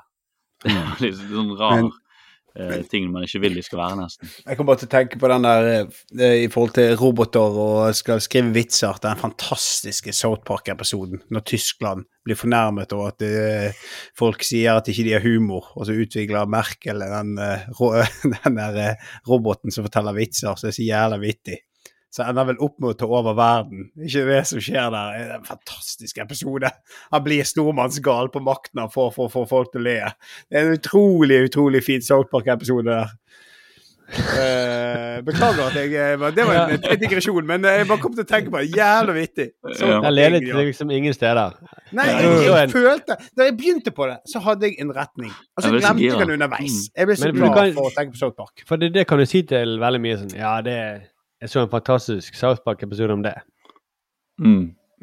Altså, nå må det komme noe mer, da. Faktisk. Ja. Ja, ja, ja, vet du hva? Eh, jeg tar selvkritikk for denne her. Eh, jeg ble revet med av begeistring for den South Park-episoden. Jeg begynte å tenke på den og drømte meg bort. Glemte poenget mitt. Eh, han er Sidol, der, ja, han der eh, Sedol, eller han heter eh, han, Men han er jo litt posør, egentlig, da. Altså at Ja. eh, altså, sånn som Magnus Carlsen kunne jo bare gitt opp og sagt det er ikke noe poeng å spille sjakk, for de computerne slår jo oss uansett. Mm. Men samtidig må han finne en eller annen glede av å spille mot andre mennesker i en Jeg konkurranse med bare mennesker. Jeg tror det viser at han uh, Sedul ikke Magnus Carlsen er jo idrettsutøver. Jeg Mm. tror han Sedul var mer kunstner. Ja. Fordi Basert på han har han- stemmen, ja. Ja, han, han har nok ikke det idrettsutøvergenet som er at jeg skal, jeg skal alltid tro at jeg er best uansett fordi at jeg skal konkurrere mot meg sjøl. Jeg tror han var mer sånn at å nei, noen er flinkere enn meg, poenget da? Kan bare legge meg ned og ikke gjøre det i det hele tatt. da. Jeg, jeg, tror- jeg tror, men jeg tror rett og slett det er det at han Han ser på det som en slags eh, lek hvor man skal komme på geniale trekk. Flotte, fine trekk, liksom. Mm. Og, hvis, og hvis eh, datamaskiner kan gjøre det bedre enn mennesker, så Det er litt som å de Datamaskinene hadde laget bedre vitser enn oss mennesker. Hva er poenget med at vi skal være komikere da, liksom? Mm. Jo, men, men, men, jo, jo, men vi lager jo vitser fordi at vi ler av de sjøl også, da. Ja, ja, ja. ja. Ja. Ja, men ok, det er jo altså Amerikanske komikere, hvis du sier det, da, de er jo flinkere enn oss norske komikere. La oss si det. Men det er jo fortsatt, vi kan jo fortsatt lage noen vitser, vi, da. ja, men jeg tror jeg ville blitt demotivert hvis det var Hvis, hvis, det, hvis det i samme Eller hvis det var det, det, Eller jeg tenker det er ikke så stor nivåforskjell da, på eh, Man tenker på, på mitt beste så kan jeg få folk til å le like hardt av en vits. Kanskje ikke like ofte som Chris Rock, men jeg klarer det innimellom. Sånn eh, en, en av jo. hundre ganger. Det er liksom et mål å jobbe mot, da. Men uh... Ja, eller podkast, da. Altså, okay, dette, dette blir ikke den største podkasten, men vi har jo glede i å lage podkasten. det er sant. Vi gjør det ikke for å vise oss fram, liksom. Mm. Altså, men det kan være at han Sedol har tatt på seg et slags ansvar, da. At han tenkte jeg er den som kan bringe spillet videre for menneskeheten. Altså sånn. Ja, er litt, Så gjør han det mer eh, på vegne av andre enn seg sjøl, da. Mm. Men, men, Altså- men er ikke du Ja, det er et godt poeng, men er ikke du enig i at det ville ikke vært litt demotiverende hvis det var en datamaskin som spydde ut mye morsommere vitser enn det vi brukte liksom en hel dag på å skrive Eh, Nei, for det men, men jeg gjør ikke det for så mye sånn konkurranse til noe, da. Det er liksom som med 100-meteren, da. Datamaskiner er raskere enn oss. Men jeg, jeg tror jeg ville blitt demotivert hvis, hvis, hvis jeg var kjempedårlig til å skrive vitser i forhold til alle andre som drev med humor i Norge. hvis, jeg, hvis jeg ikke fikk det til, hvis jeg ikke klarte å få folk til å le noen gang, så ville jeg tenkt sånn ah, ja. Nei, nei, det, det får jeg bare finne på noe annet å gjøre. Ja, så, som jobb, gjør ikke det tenker bare du, for eller? meg sjøl. Jeg, jeg gjør det også fordi Eller det er ikke bare gleden med arbeidet, det er også litt hva jeg kommer fram til. Det, det er en slags Jeg måler meg jo i forhold til andre også. Jo, jo, men ja. Men samtidig vil det alltid være noen som er flinkere enn deg, uansett. Ja, på andre premisser, liksom. At ja, han er flinkere til å lage tjukkasvitser fordi han er tjukk, liksom. Eller Jo, jo. Jo, jo, men det er jo Men, Men jeg- altså, datamaskinen er flinkere til oss fordi at han er en datamaskin. ja. Nei, jeg skjønner iallfall litt av poenget, da. Men uh, Jo, hvis, Mm. Men liksom, det var så trist at han nå bare skal gi opp, liksom. Ja, Men da blir jeg også litt sånn Likte du det egentlig til å begynne med? Men hvis dette spillet her. Men hvis Ja. du sa dette spillet, liksom premisset og sånn de omtalte det, var at dette liksom menneskelig in intuisjon, var det det du sa, Arild? Jeg, Mm. jeg kjenner ikke til dette, men det kan jo være at han rett og slett bare sånn en livsløgn slår brast her. At han liksom Å, men dette er jo et menneskelig spill. Det skal ikke, det skal ikke være mulig å bli slått av maskiner, liksom. At mm, han rett og slett bare mistet Mm. livsgnisten. Hva Jeg tipper han har hengt seg Ja, jo, på den måten, ja. sant? Mm. Ja. Mm. At det rett og slett det, det, det, Han trodde dette var menneskelig, og så ble han slått av maskinen, og så mister han bare gleden ut av spillet når det ikke er liksom eh, Det må jo være noe For det, sånt. det er vel heller det at det det er ikke bare én maskin som er bedre enn meg, men du innser at å ja, faen, alle maskiner kan gjøre meg. Jeg tror det bare blir en sånn derre Den emoen vi har inni oss, da, som innser at vi er helt poengløse. Det var veldig mange som kjente på dette under den industrielle revolusjonen. Og uh, ja, det er det jeg sitter og liksom. tenker på. At, hvorfor, Mm. Det er liksom å klippe eh, gresset med ljå når du har en gressklipper. Mm. Eh, det føles litt eh, meningsløst. Du, du kan jo noen som gjør det bare for at de vil liksom kjenne på den De som bor autentiske på. Halvøyen, eh, de det. Ja, de gjør Ja, men de gjør det, Ikke da. på podkast, Ja, ja. Mm. Ikke på podcast, Der, der er det sånne der robotgassklippere. robotgressklippere. For vi, vi som er komikere nå i framtiden, vil vi gjøre det jævla bra i sånn konfirmasjoner og sånn. For liksom nivået litt sånn uh, lavere nede. Da blir det Robotene kan ha late-showsene og sitcomene, men konfirmasjoner, da skal faen meg vi slå til. Men du, du hadde, jo- Ja. denne, det var jo den der hiphop-dokumentaren eh, som gikk på NRK, der du så liksom norsk hiphops utvikling, der hiphop var liksom jævlig svært og bra i eh, USA, og så viste de hvordan det begynte i Norge. Og hvordan man lærte Når man hadde det sinnssykt høye nivået i USA, og hvordan man gradvis fant sin greie og ble Fikk liksom hiphop på internasjonalt høyt nivå på norsk, da. Men den reisen der er jævla vittig, og det tok jo mange år. Men den første norske hiphopen er jo den der pizzasnurr-reklamen omtrent. Jeg kommer hjem fra skolen, og klokka den er tre, jeg kjenner det i magen. Det er jo altså, Statoil-kapsulen. ja, men, ja, men, dere skjønner hva det, det, det der eh, I forhold til å ha dere siktet etter, det er jo positivt uansett, liksom, om det er høyt nivå. Eh, Ja, for men at, eh, men for at det, da må det liksom være mulig i teorien, da.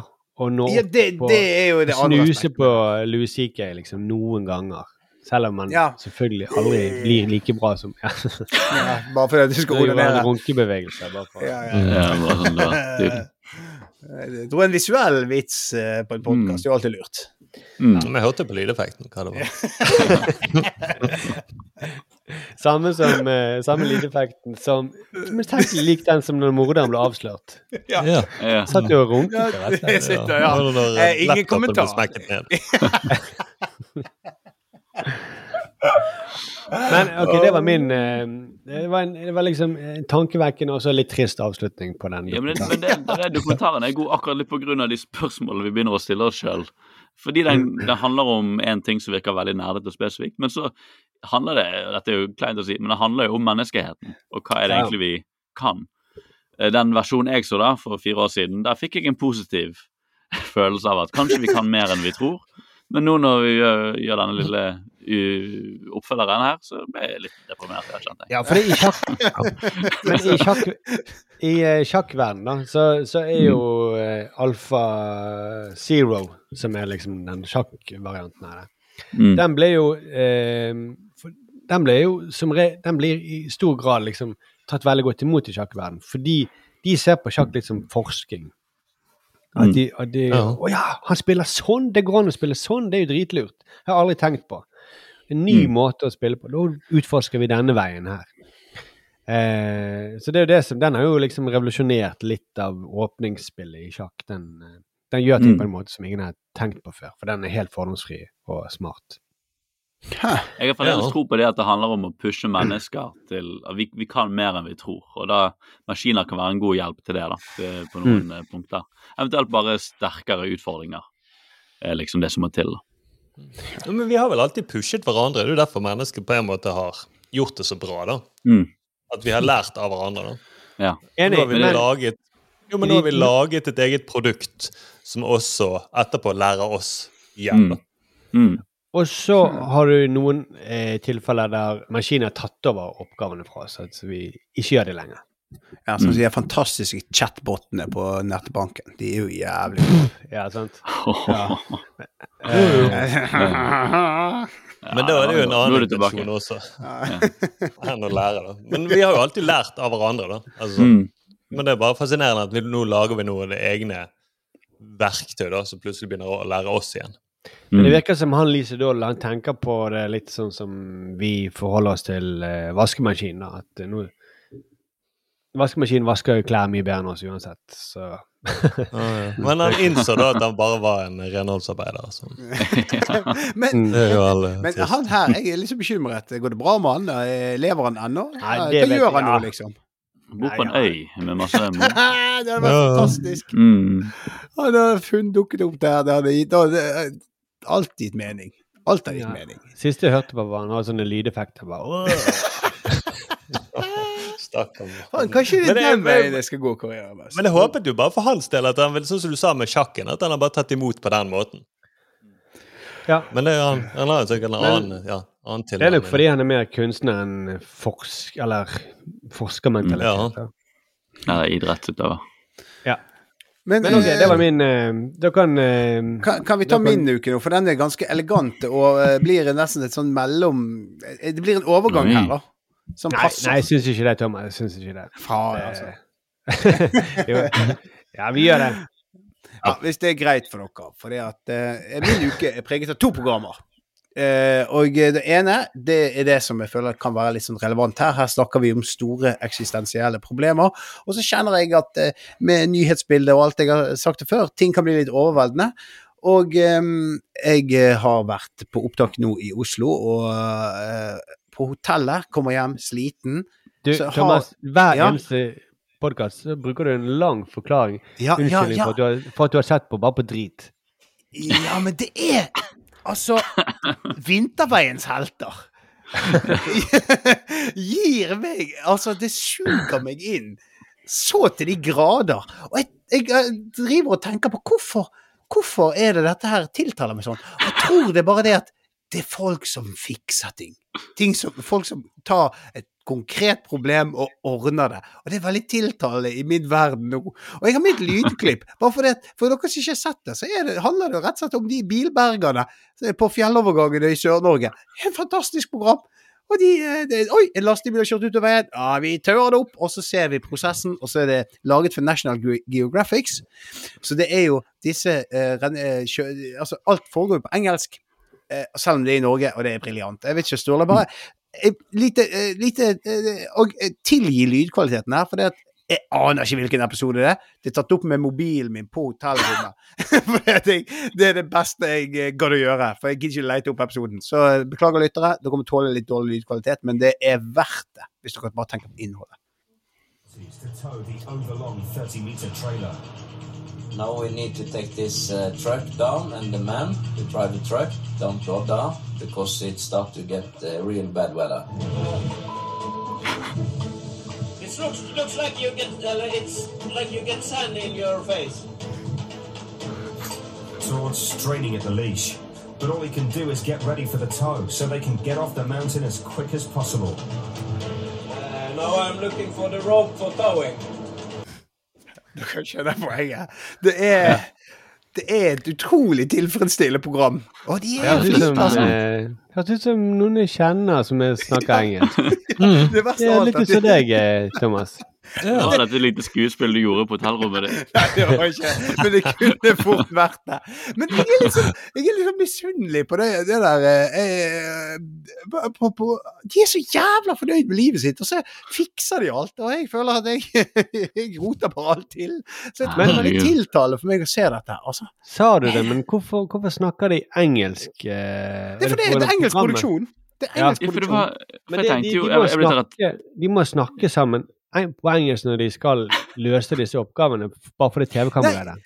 Ja, rett og slett. Og det glemmer Og de det- jeg har innimellom, og det gjør det enda gøyere. For det, Jeg er blitt så, jeg er blitt så nervøs hvis det kommer sånn Ok, vi skal ordne dette. Vi må bare samarbeide, meg og Kalle her. og Vi må bare snakke sammen og bare rydde opp dette oppe. Uh, men vi må gjøre det på engelsk, så for de filmer oss. Mm. Ok, Kalle, take the What do you call it? Uh, the, the, the, the the, Take that under there. Ok. Jeg du blitt så nervøs, for jeg hadde tenkt at dere må kommunisere effektivt her, gutter. Ja, Og det, det er Det akkurat det veldig- som skjer, Arild. Det er akkurat det som skjer, og det er så jævlig bra, for du skjønner du kan, Jeg kan relatere meg til deres stress. Her er det en bil som velter, det er sement på vei ut, og, og det, det er kritisk, det haster. Where is the skiftenøkkel? For det, det skal gå jævla fort, sant? Og det er, de har ikke tid til å tenke grammatikk, og det er nydelig effektivt. De bare ordner det opp. Og jeg syns det er et tilfredsstillende program, og jeg blir sugd inn i det. Og jeg har satt Men- um, Jeg er veldig glad for at det ikke jeg er veldig glad for at det ikke handler om liv og død, at det er sånn på akutten at uh, Nei, for det hadde ikke taklet. Det, er- det blir for alvorlig. Uh, give me the sprøyte. Med the, you know, the suck for the face, the suck eh. Eh, Må slå opp i ordboken, altså. Eh. Så kommer den brite sånn her eh, The doctor don't know what he's going to do. he's looking for the suction cups, but he doesn't know that, like, how to say it in English. Det er sånn. Det er drømmeprogram. Det er drømmeprogram. Pasienten blir mer med blå. His uh, face is, uh, is not red. Is it is it the purple you say, or is it um... Åh, nei. Men det er helt nydelig. Jeg koser meg skikkelig. Det Dette er god, dette er god jeg, vil si, jeg vil si dette er god gammeldags underholdning. Er Veldig Ja. klassisk sånn, sånn TV-dokumentar. I, I denne sjangeren sånn eh, Du har jo hva, Nattevaktene du har jo hatt 10 000 Ice Road Truckers. Ice Road Truckers og de der krabbefiskerne. Hva heter det igjen? Å, ja, faen, de, ja. Det var jo Ja, dødelig, deadliest catch. Deadliest Catch. Ja. Åh, åh, ja, det var gode tider. Ja, det, det, ja, det. Fordi de skjønte at folkene skulle på Hva lyder var det? Det, det, var, det var begeistring. Det var begeistring. Det var, det var ikke Så lyder. Du må ha hendene over kameraet. Jeg må ha hendene oppe. Ja, Det er ikke Men fordi de, sånn de lagde TV før, det visste de at folk kan skru på den kanalen når som helst. Så, så det må bare alltid skje noe jævla insane greier. Ja. Det vil alltid være noe sykt på gang. Men de er jævla gode å bruke musikken. Mm. Det er alltid sånn dun, dun, dun, dun, mm. Nei, nå kan du slutte med lydeffekter. Dette er et veldig dårlig spor her nå. jeg klarte ikke å se for meg hva som skjedde Nei, med den scenen. Var det mord, eller var det Kjørte med kjettinger på veien. Var det sånn, dunk, dunk, dunk, Nei, de kjører jo aldri med kjettinger på veien, Sturle. Det er jo et kjempeproblem! Det er et Mm. kjempeproblem. Ja, jeg fikk ikke med meg den lydeffekten. Sorry. Nei, men det, det er I eh, tunge tider så er det et helt nydelig program, altså. Herregud, for en perle! Mm. Og eh, det er Du kan koble av hjernen, og så kan du se folk som fikser ting som er eh, Ja, det, jeg, jeg har ikke peiling på noe ja, de sånn holder på krim. med. Det er veldig tilfredsstillende å se at eh, alt blir løst til slutt på en Ja, jeg har jo en sånn uh, fetisj på YouTube at jeg er veldig glad i å se folk som eh, Når jeg er i den, den tilstanden du er i, Thomas, Ja. så er jeg på YouTube og ser på folk som finner noe gammel, rusten eh, dritt. En, eh, Åh, kanskje ja. en, eh, en lommelykt som de har funnet som bare er helt rusten og ødelagt, og så pusser de den opp. Ah. Har du sett Og så sånne, se- har sett sånne som renser sånne jævlig skitne bassenger? Det syns jeg er det tilfredsstillende. Jo, Åh, jo, jo, jo, det har jeg sett. En fyr som er inne i jungelen og renser sånne Ja, det, gammel det, er- han, lager jo det. er helt vilt. Jeg tenkte bare sånn Lager et sykt basseng. Ja, Get a room, eh, guys. Ja, nå, er, nå må vi ha hendene over mikrofonen her, for det, Ja. dette her er, dette er Tre minutter med stønning bare fra Thomas mens Arild snakket. Åh, ja. Ja, ja, ja. Men det blir jo av hvis jeg finner en god Hvis jeg kan fikse noe i heimen og må lære meg det eh, på en YouTube-tutorial. En god YouTube-tutorial eh, blir så bra at jeg glemmer å følge med på hva jeg faktisk skal lære meg. For det er bare så tilfredsstillende å se folk som fikser ting og ordner og Ja. mekker. Det er helt nydelig. Er Ja, altså, jeg blir så imponert over at de skjønner ting. Jeg, blir, jeg blir veldig imponert over. Ja. Hvordan kom du på at du skal legge planken sånn, liksom? Wow! Jeg, jeg blir veldig imponert av sånt. Mm. Så det gjør at jeg glemmer at jeg skal gjøre det samme hvis jeg er på en tutorial. For jeg blir så utrolig imponert at de har knekt den koden. Jeg, eh, Det er veldig gøy Wow. at uh, det, det, det er et fint personlighetstrekk at du blir så imponert av alle folk som forstår ting. Ja, men det, ja, ja, men det er helt Forstår du engelsk? Klarer Kan du? Hvordan man strømmer lovlige fotballkamper? Gjør du det, mann? Uten dildoer? Skal vi fordi Jeg forstår ikke hvordan de klikker av nettleseren. Jeg bare smekker ned skjermen. Nei, jeg har mange tutorials jeg bør se. Det Ja, det er sant. Men, eh, men, nei, nei, Jeg- men jeg blir ikke dere imponert hvis dere ser var- jeg, jeg, snak, jeg har jo snakket med der, de som pustet opp det slottet i Frankrike. Jeg, helt, jeg tenker på det ofte. Tenker at jeg kunne bare se på et gulv og skjønne hva han Også skulle gjøre. ikke minst oppussingsprogram Tid for hjem. Ja. Jeg Tid for hjem, og De er så jævla flinke. De bare mekker hva faen de vil. Tenk, tenker, har laget møbel, liksom. Det er helt sykt. Åh, jeg har så lyst til å bli møbelsnekker. Ja, Hvis jeg hadde bodd på denne øyen din, Sturle, ja. så hadde jeg blitt møbelsnekker. Podcast er litt- møbelsnekkeri. Du, du har jo sendt meg en snap av ting du har laget, møbler Ja, jeg gjør har mekket min egen pult og alt mulig. Da. Det Var det egentlig litt sånn erotisk undertone de snap, eh, de bildene du sendte? ja, ja, ja. Han hadde ikke bukse på seg, da. Det er i hvert fall ikke Be Safe. Det er et under at jeg kom gjennom eh, etter å ha sett alle de deilige tutorialsene.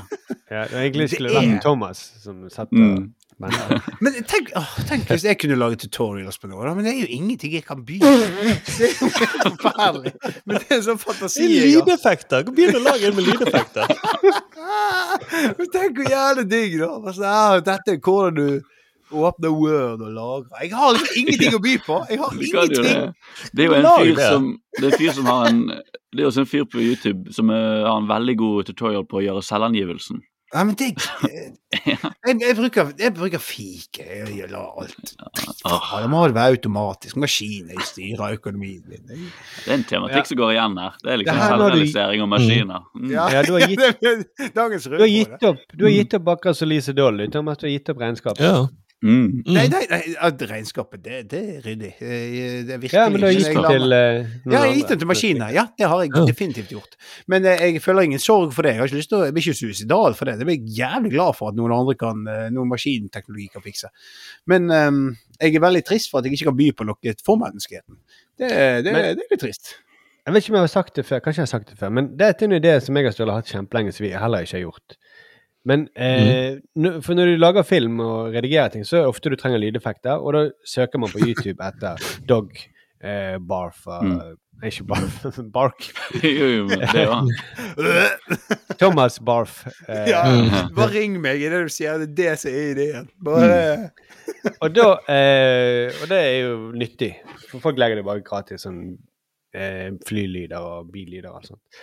Men så har det vært gøy og så de, Hvis vi lager sånne klipp som het akkurat sånn Sound of a plane taking off, og så er det bare vi som lager med, med, med munnen vår.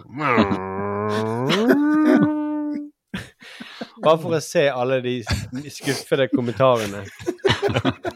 Du må skrive det 'play for free' og sånne ting. Ja, for free må det være. Mm, Anyone can use this one. It's life. ja, Men det, det, det er kun sadisme som driver dere. Ja, jeg tjener ikke penger på det. Ingen som vil Mm. vite at det er oss som har laget det. Men vi har No bare lyst til gleden av å ha det der. Mjau, mjau, mjau. Og den ideen, den ideen kunne ingen maskiner laget. Eller hatt det. For det er ikke noe penger. mm. for maskinen er ikke så ond. Nei. Vi kunne jo sett sånn lyden av eh, 1600-tallet. Ja. Hvorfor- Hva er det for noe? 16, 15, Mm. 17 Eastern Europe 16. Ja. Den, Bling, bling, bling, bling. men det er en fun fact med Jeg har jobbet mye med lydeffekter i animasjon og sånn, og derfor vi legger så mye lyd på alt. Og da er det veldig gøy De beste lydeffektene er når det er menneskelyder. For det er akkurat det du beskriver der, Markus. Bare det at det er folk som har vært hjemme og skal liksom produsere til et lydbibliotek. Mm. Og de har ikke fått inn skuespillere og sånn, og det morsomste å alltid søke opp er man screaming. Ja, ja. Og det får alltid Og, det, og det, vi hadde en favoritt som vi brukte Det er jo derfor det blir sånne ikoniske sånn detaljer, men vi hadde en favoritt av en fyr som skrek sånn Hå! Ja. Og det var den første lyden i lydbiblioteket. Det var den første manscreaming-lyden de ville liksom Jeg tror vi måtte betale for også. Ja, det er jo, det, det er jo der du stopper opp. Men Der fant vi han. Det er han vi bruker. Ja. Hver gang. Det er så uinspirert, liksom. ja. Det, det tekniske er det, det er latteranfall han får. Den, ho, ho, ho, ho, ho, ho, Man laughing. Mm. Eller men laughing means actually uh. crying. Man alone in his own apartment laughing. Watching Ice Road Truckers. Ok, Men det var den ene tingen du hadde sett på, Thomas? Ja, det andre Har du, det er- mer, har du enda mer, Thomas? Ja, og denne, denne er nesten en eh, Den er til deg, Arild. Jeg føler meg og deg Nei. eh, vi er- Ja, vi har en greie på gang. Ja, vi har en fin greie. på gang. Ja, ja, ja. Eh, Men eh, nei, eh, Arild, du har jo gjort at jeg har begynt å se på reality. Og på Netflix har det Mm. kommet et eh, Jeg tror eh, eh, Det er vel skaperne bak Love is Blind, som jeg har snakket om før, Mm. har kommet med en ny serie som heter The Ultimatum. Og det er faen bra, altså. Det er, eh, det er altså Det som er, er det at Jeg tror det er seks par som eh, Der én av partnerne har stilt et ultimatum at hvis ikke eh, nå, nå kan du enten så eh, eh, frir du til meg, altså at vi gifter oss, eller så kan du stikke. Seks sånne par. Én av partene hadde gjort det. Så er de rett og slett sånn at eh, de eh, i tre uker så mikser disse partnerne og eh, velger seg en annen kjæreste i tre uker og flytter inn med en annen. Og selvfølgelig, når du har et forhold der én stiller ultimatum, så er jo det ikke nødvendigvis det, det, Altså, noen forhold er jo bra, men ikke alle. Så da begynner jo dette her å Altså, det er seks par som egentlig bare sprekker så det synger etter på eh, reality-TV, og det er faen meg Unnskyld språket, men det er det er dritbra. jeg vet, det er veldig dårlig eh, anmeldelse her nå, men det er, Det veldig det er verdt å se. Men vi altså. ja, vi burde bare heller sett det, kanskje. Ja, jeg vil anbefale det til eh, alle, for det er, det er Mm. god reality. Virkelig god.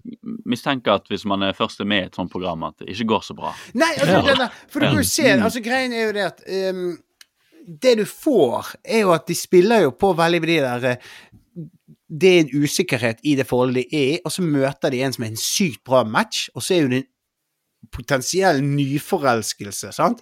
Som gjør at du glemmer eh, den personen som du kom inn her med, som du kanskje har vært i forhold med i to-tre år. Og så, det, og så skal du i løpet av de tre ukene da bestemme deg for om du skal bli i Om du vil fortsette dette forholdet her, eller om du vil gifte deg med den andre. Og da er jo du allerede liksom du, du, Hele greia er basert på å skape tvil i et forhold. Det er så jævlig ondsinnet konsept. Men det er veldig gøy underholdning. Det skal sies. Så jeg, eh, jeg, har, jeg vet ikke, Arild. Jeg forventer nesten at du har sett dette. Jeg har sett litt av det, ja. Ja, du har det? Ja, litt, selvfølgelig. Men ikke nok at jeg, ikke nok at jeg kan ha masse meninger om det, for det ble litt eh, sidesyn. Men, eh, men det er jo det at de du, du skjønner at de, de som lager Love is Blind, nærer seg på usikre folk i forhold. Ja, ja, jeg vet. Eh, De er faen, de kommer til helvete. og det er jo og det blir Jeg tenker jo Vi kunne egentlig hatt en lang samtale om sånn amerikanere og giftermål. For Ja. de har så rar syn på hva det er å gifte seg. Fordi de er så opphengt liksom, Å gifte seg det er det siste du skal gjøre i resten av livet ditt. Det er å gifte deg med noen, liksom. Mm. Og det blir jo så viktig og så stort for dem. Mm. Men det, alle de skiller seg jo, halvparten skiller seg jo. Det er bare, hvis det ikke funker, så er det bare å skille seg. Ikke det, ja. det, Og de er sånn 24 år gamle. Og det, ja. Mm. ja. Ok, men det er et, tips, da. Da kan vi kanskje se den da, Thomas, en gang. Ja, vi trenger ikke hvis det er eh, Det er en anbefaling fra meg. Se det gjerne. Eh, hvis Men syns man du det er på i, i, Av de trifektaene, da. Uh, Love is blind, eh, The Ultimatum og Fuckboy Island. Hvor setter du den, liksom? Kan så, Fuckboy Island er på en måte så annerledes. For det, nesten, det, det gjør jo nesten narr av sjangeren òg. Så Mm. jeg vil si at det er nesten mer en humorreality enn Men det er dritbra. Men jeg syns at Ultimatum er bedre enn Love is Blind. Okay. Det syns Ja, jeg. Kult. Så, mm. Men du har ikke sett sesong to av Love is Blind, som folk sier er helt sinnssykt. Det er en sånn fyr som har sånne kokainøyne, visstnok. så Ja, er han helt er vild. helt jævlig Først hater du han, og så liker du han, og så hater du han. Han er veldig fascinerende. Ja, altså, det, det, det må Mm. sjekkes ut. Men først er Mm. Ultimatum ferdig. Så Men eh, veldig bra. Hva har du Ja. sett uh, denne TV-uken. Ja, utenom litt av alt det dere har sett på. Så uh, Du, uh, jeg har sett vi har, vi har sett på film eh, av den animerte typen. Eh, tenk at noen eh, gjør det. De lager film som er ikke med ekte mennesker. Wow. Ja. Eh, Ja, ja, ja. Det er helt crazy. Stum, crazy. men er det da- stumfilm, eller? ja, så går det litt sånn um, En dinosaur. Det var en veldig intern animasjonsvits. Ok. ja, det var Ja, den tok jeg. Første animasjonsfilmen da, gutter. Herregud. Å, ja. Dinosaur, ja, ja, dinosauren, så eh, Ja, uansett. Um, ja, vi, har, vi har sett Turning Red, eller Rød, fra Ja. Pixar. Ja, ja. Mm. Som ligger på Disney Pluss. Og det er jo en TV-film. Den ble jo ikke sendt ut på kino. uh, av en eller annen grunn. Han går på kino. I Ja. USA, mener jeg. I USA så ble han ikke sendt ut på kino. Oh, nei. Å ja. Eh, vi, jeg vet ikke, det var noe businessvalg. Veldig bra å vite at de gjorde det i Norge, for det, den filmen her fortjener å gå på kino. Mm. Eh, og det er jo Pixar, da, som er tilbake og skal liksom få oss til å gråte og snakke om de store tematikkene. Det de tar tak i denne gangen her, er jo puberteten. Mm. Oi. Ja, ja, ja. Så stopp meg hvis dere kjenner dere igjen, for dette kan bli veldig personlig. Oi. Eh, så stopp meg hvis dere kjenner dere igjen i dette premisset her. Eh, den kanadisk-kinesiske jenten Mei Mei, eh, som er nettopp er blitt 13 eh, i året 2002, eh, tror at alt skal gå på skinner. Helt til hun blir om til en rød panda. Kjente dere igjen i den? eh, det var det.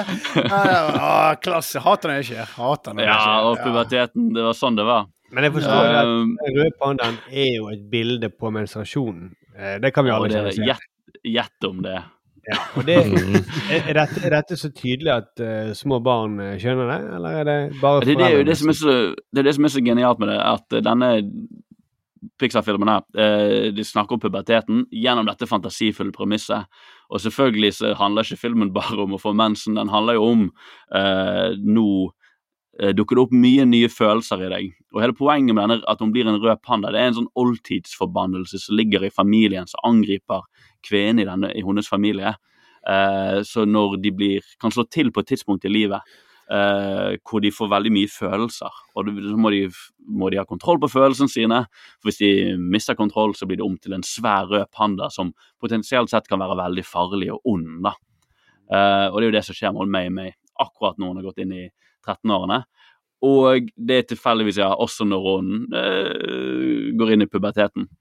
Um, men symbolikken er jo veldig tydelig, og de har selvfølgelig en uh, mensenscene hvor det er veldig rett fram.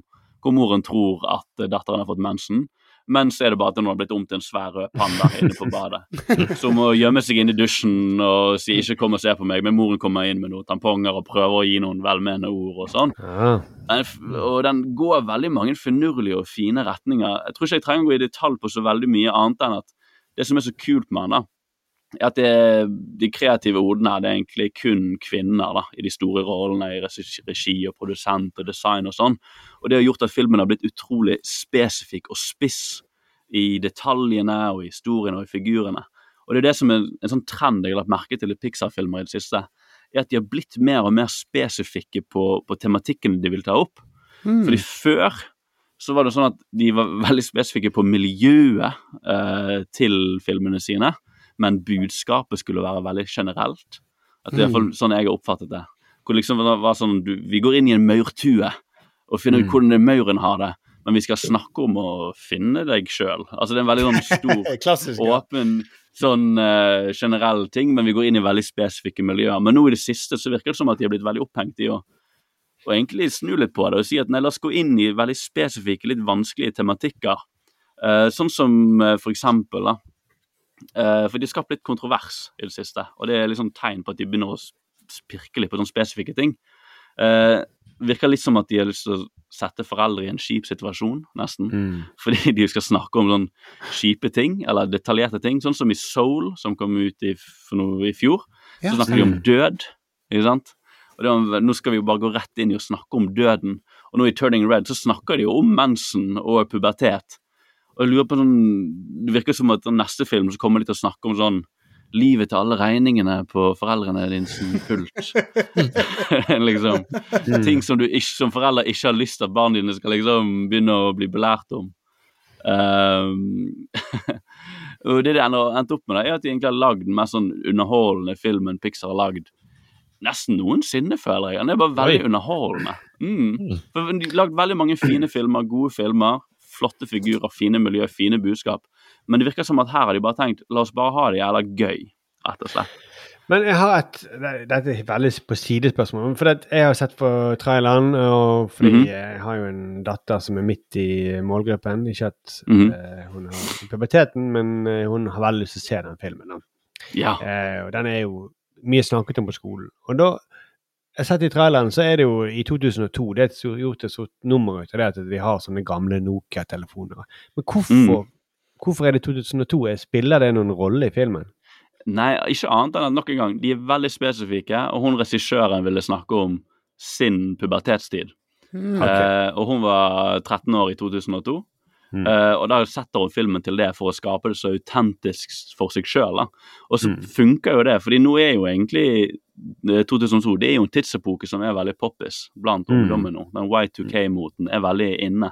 Så det er egentlig ganske smart, da, for da får du pose og sekk. Fordi regissøren får være så spesifikk og personlig som hun vil, og kidsa syns det er litt kult med en sånn 2002-mote og, og de mobilene. da. Så det er litt sånn uh, luddig, akkurat det. Um, og jeg lurte jo også på det med dere, da, med barn, og kanskje spesielt jentebarn. Eh, og ikke med du også, Thomas, med guttene dine, liksom. Ja, okay, For det er en sekvens da i denne filmen som er jævla vittig. Uh, hvor hun 13 år gamle meg-meg, da Hun begynner å bli uh, kåt, på en måte. Dette er sånn du kan kun gjøre på animasjon og slippe unna med det. Men det er, veldig, det er så bra beskrevet av sekvens. For det er når man blir 13 og følelser begynner å dukke opp, og man ikke helt vet hva som skjer med seg sjøl. Hun sitter og tegner i tegneblokken sin inne på rommet sitt, og så plutselig så legger hun merke til at hun tegner en gutt. og han, jo mer han tegner han, så blir han liksom litt digg, da. Og så blir hun liksom forskrekket over hva hun sitter og tegner, men hun vil fortsette å tegne denne litt digge gutten. Så hun begynner å tegne han litt mer muskuløs og gir han litt sånn eh, svette øyne og litt sånn der. Og, hun, og blikk, hun blir bare helt sånn Hun får sånn blikk da som man kun kan gjøre animasjon. Eh, for sånn blikk som Nei, nei, hun, hun, det blikket er liksom sånn at Å, herregud, jeg gjør noe galt. Det var øynene som spratt opp, det var ikke noe annet.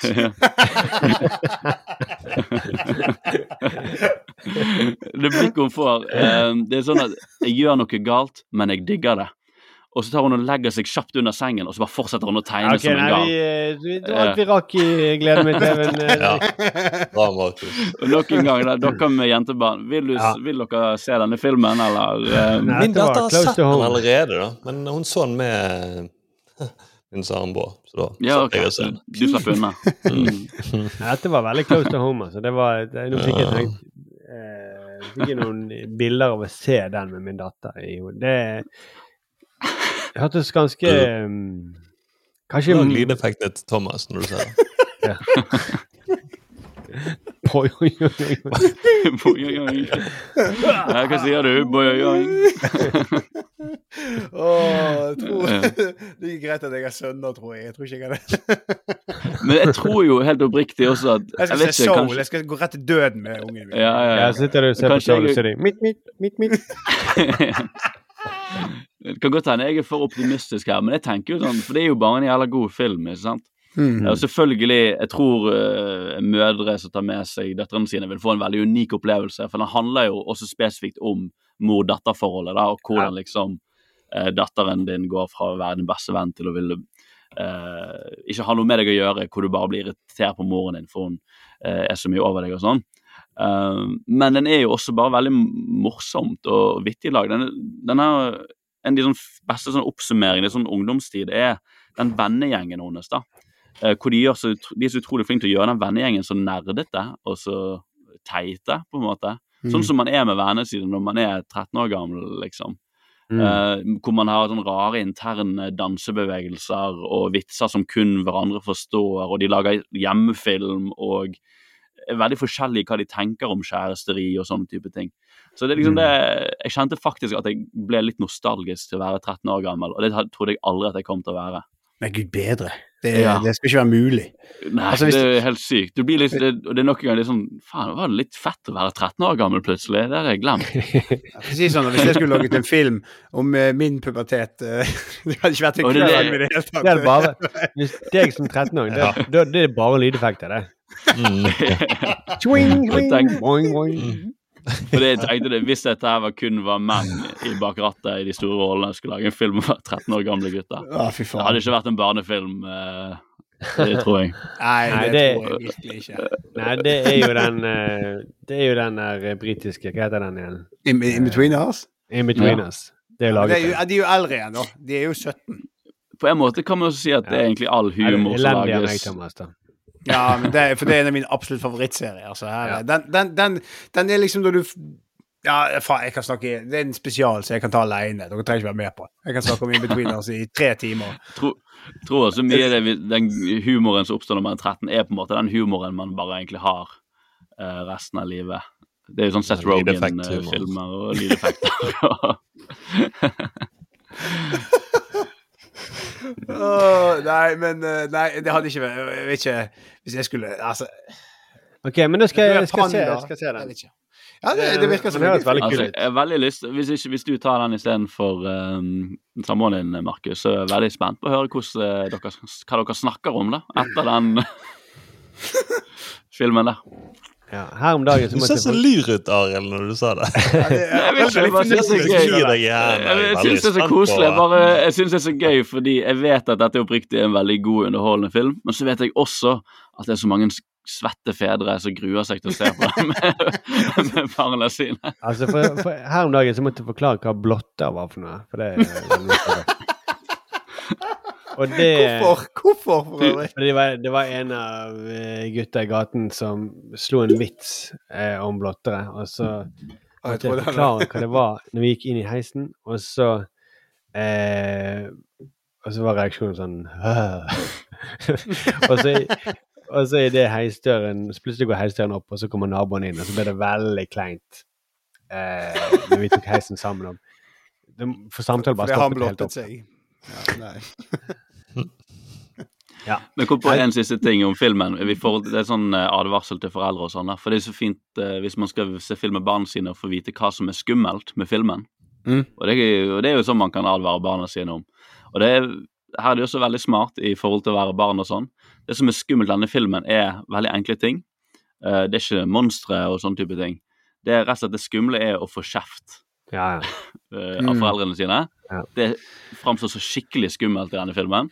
Og ikke minst det å holde en hemmelighet for eh, moren din. da. Det er også en sånn stor, sånn ekkelt element i filmen for hun eh, Mei-Mei. Ja, for Som det, er også veldig realistisk, da. Det er jo veldig sant. Ja. Det er jo det som er skummelt når man er 13 år gammel. Men veldig, det virker som det går skikkelig til verks her. Dette, dette kommer fra hjertet til eh, de som Dette er så solide. Dette Men er det er solide veldig, veldig bra tenkt, det med at eh, For det er kjeft, å få kjeft er mye vondere enn voksne tenker for ditt lite barn. Eh, og det, det husker jeg, det oppdaget jeg når, Det var også med min, gjennom min datter. Vi, når hun så på eh, Hun kunne se alle disse her Pixar eh, og Dreamworks-filmene. eh, som er ganske spennende og dramatisk når hun var tre år, liksom. Men Mm. når vi så på Brillebjørn, så var, så var det en eller annen som gjorde noe som hun ikke hadde lov til. Hun gikk bort og lekte med kaffekannen hun ikke skulle. Og da satt hun og holdt hendene foran ansiktet. Hun klarte ikke å se på det. For da visste hun at å nei, hun kommer til å bli oppdaget. Sant? Og pappaen i bakgrunnen. Nei, nei, nei. Det var det skumle. Det klarte hun ikke å se Mm. Ja, jeg, kan fortelle dere at nå eh, for i forrige uke så var jo jeg i um, Det var jo Manchester, eh, som vi så vidt nevnte i sted at jeg så City, men eh, blant annet på jobb. Og eh, da gjorde vi noe som eh, vi visste at dette var kanskje ikke helt uh, innafor, og eh, så måtte jeg Var dere på, på til bordell, eller hva? vi, vi, nei, vi var, vi var på opptaket. Vi, eh, vi, vi, lurte ennå. Og så skjønte jeg at dette var faktisk på veldig dis, altså, ja, det, det ble litt sånn der misforståelser og sånt, og så eh, måtte jeg gå bort og så gi beskjed. da. Og da fikk jeg kjeft på den måten som, eh, med, som gjør at du sitter med den følelsen som når du får kjeft på skolen av en lærer. Det, er det er ikke gøy å få kjeft. Det er ikke gøy å få kjeft i det hele tatt, men jeg visste at her kommer det. Jeg vet at her må jeg ta ansvar og stå skolerett for dette, for dette her, her gikk ting over styr, og så eh, må vi bare så må jeg bare bort i beskjed og være ærlig og redelig, men jeg vet at her kommer jeg til å få en skyllebøtte, og den er fullt fortjent, og eh, det var jævlig ubehagelig å stå der og få kjeft, og så er sånn flere timer etterpå, så har du sånn klump i magen. Selv om du vet at eh, jeg kommer ikke til å møte han fyren her igjen. Det var ærlig redelig. Det er helt fair, liksom. Det, det, det, det skal ikke brukes. Kommer ikke, altså, hele, jeg vet at jeg gjorde alt riktig med å, å gjøre det jeg gjorde, men jeg fikk kjeften, og det sitter som en sånn klump i magen. Jeg, skjønner, var- jeg, kommer, jeg kommer til å begynne å gråte hvis jeg ser den der eh, på rød panda. Jeg får traumer fra en uke siden. For det, det, det var skjult, skjult kameraopptak eller noe sånt som hva, du lurte noen som Ja, jeg kan ja, det, det, gikk litt over styr, eh, og så skulle vi av Vi skulle avbryte, og så eh, plutselig var personen der, og så var det sånn Fuck it, nå må vi bare stunte det. Og så var ikke det noe riktig å gjøre, og det skjønte vi litt, litt for seint.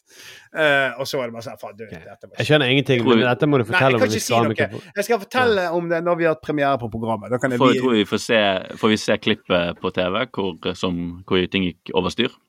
Ja, eh, for det, eh, det tenker jeg vi kan gjøre. Eh, men, vi, men jeg kan ikke vise alt sånn som jeg det, det blir ikke sånn som vi hadde tenkt. Er du, er du med, er du med i bloopersene på rulleteksten når du får kjeft? Ja, at jeg står sånn med hodet bøyd og får kjeft av en engelsk uh, fyr. Ja, det er meget mulig at det, det Med blir sånn, eh, veldig gøy blooper reels, og familien kommer til å klapse seg på låret og le. sånn- Se på den patetiske fyren som blir skjelt sånn ut av en engelskmann. Som Benny Hill-musikk under. Ja, ja, ja. Fucking, fucking piece of shit! Ja, det var, det var på det nivået der. Det er ikke kødd engang. Det eneste, eneste Thomas svarer med, er lydeffekter. Det var Ja, men det, det, Mwah, moi, moi, moi.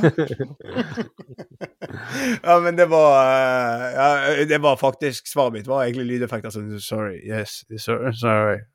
Det var ikke ekte ord. Det var bare Mm, ja. jævla pinlig. Eller det var ikke pinlig, det var bare, jeg bare visste at det var galt. Jeg måtte bare ta det. Jeg måtte bare ta Sorry, kjeften. sorry er et ekte ord, da. Bare så du vet. Ja, ja, men eh, ikke sorry. sorry. For det var det jeg sa. Jeg tør ikke se det i øynene. Nå begynte jeg å glede meg til dette programmet.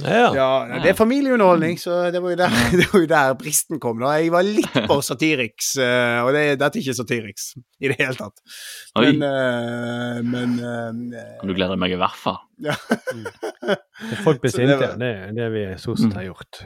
Mm. det, det, jeg, som- Ja, unnskyld. Uh, Nei, nei, vi, vi er komikere som ikke skaper glede, vi bare. Men Mm. veldig, veldig hyggelig i dag. Jeg møtte, det var, jeg møtte en, en komiker fra eh, Det er en sånn der impro-gruppe som heter Blast. Blasta? Blasta? Eh, eh, nå, om det er programmet de jobber på, eller eh, gruppen som heter, vet jeg ikke. Veldig fan av Satiriks, og kom bort til meg og sa elsket klimastuntet. Og det skjer ikke så jækla ofte at det skjer. Han sa det var dritbra. Og jeg vet hva? Det er hyggelig når folk sier. jeg trenger det. Jeg Det Det er vel bare én person som har sagt det nå. Ja, det er et par. Det er, det er flere, da. Det er, det er, Jeg hatet det. Mm. Men det, var veldig, det er veldig hyggelig da, å få en anerkjennelse av uh, Satiriks og, og eh, alt vi har gjort. eh, og det er veldig kult. da. Han digget Ja. oss. Og apropos det, så kan eh, også eh, du som lytter kan gi oss tilbakemeldinger på podkasten. Det må ikke bare være ros, men eh, det er veldig hyggelig. Eh, og Kan jeg komme med et forslag? Komme? Hvis det er ros, Mm. så kan de spre det ut i det store vide verden. Hvis det er konstruktiv kritikk, så kan de sende det i innboksen. Var ikke det en god ordning? Jo, men de kan også sende innboksen. Eh, Vi får jo mye fine tilbakemeldinger i innboksen. Enten på Instagram, på 5080s Instagram, eller på Facebook, eller sende mail til post at 5080.no. Jeg vil bare ta med én eh, til slutt. En veldig fin eh, melding som vi fikk. En som han, han skrev Han, han er en som skrev disse eh, reviewsene på eh, iTunes. Mm. Eh, og så var han så eh, eh, Ja, og, så, og han var glad for at vi hadde lest den opp, da. Og så skrev han han, har vært, han glemte å skrive, han har vært fan av oss i mange år, men han glemte å skrive at han hadde begynt å se på meg og Sturle sin julekalender. Og da skjønte jeg ikke hva han mente først, men vi lagde en jul, helt crappy julekalender Mm. eh, på YouTube som eh, var veldig rar og absurd. Men som noen få har giddet å se. da. Og han syntes det var gøyere han syntes det var så gøy, han syntes det var gøyere For hver gang hver episode så gikk seertallet ned, og det og han syntes han bare ble enda gøyere, for da var han den eneste i verden som eh, Så Som på en måte syntes dette var gøy, da. Som han, det var liksom hans greie. Han fikk, ek, han fikk tilgang til en eksklusivt gull som veldig få andre fikk, så skal han. Så gøy. Han skal følge denne podkasten til, slutt- til bitre slutt. Han må det. Mm. Johannes Slåttli. Eh, så han eh, Han har for øvrig tipset om noen musikkvideoer som vi burde se. Oi! Ja. Det kunne jo være en greie. Det er gøy. Diskutere musikkvideoer, det har jeg ikke tenkt på at det går an. Mm. Eh, altså fra, egentlig fra Sondre Lerche sin nye plate. Ja. Mm. Ja, jeg eh, kan snakke om Nei, jeg tar det. Jeg begynte på, jeg begynte på dårlig Dette var, vits. sånn, dette var slutten av uh, podkastenergi. Ja. Nå må jeg på halvøye nå. Nå må jeg på halvøye. Ja. Hente meg inn igjen, nå. Vi må gi oss. Mm. Men det har vært veldig hyggelig eh, som vanlig. Eh, og også litt eh, Litt ampert har det vært. Eh, Men jeg har vært så ampert? Det var ikke så ampart. Neida. Jeg har fått mye å tenke på denne poden. Vi har virkelig touchet bort på det. Mennesker, hva vi har vært. Bør vi egentlig bare gi opp og flytte på en øy? Er pappaene mine så trygge i forholdet som jeg trodde de var? Ja. Det er mye interessant å tenke på. Og det finnes spilte folk Ja. United- United spilte- Hva ble stillingen? 1-1 ble det. Ah. Hva lydeffekt vil du gi for det, Thomas? Ah, ja. Mm. Mm. Ja, det var ganske dekkende. Mm. jeg følte det var ganske bra. Jeg, jeg er talent for dette. Det kommer en tutorial på YouTube snart. Ja. Det er bare Ja, ja, neste år. Ja. Neste manager. Ja, ja. ja. OK, vi takker for oss. Hør på oss neste uke, da. Ha det bra. Ja, Ja, ja. Tadam.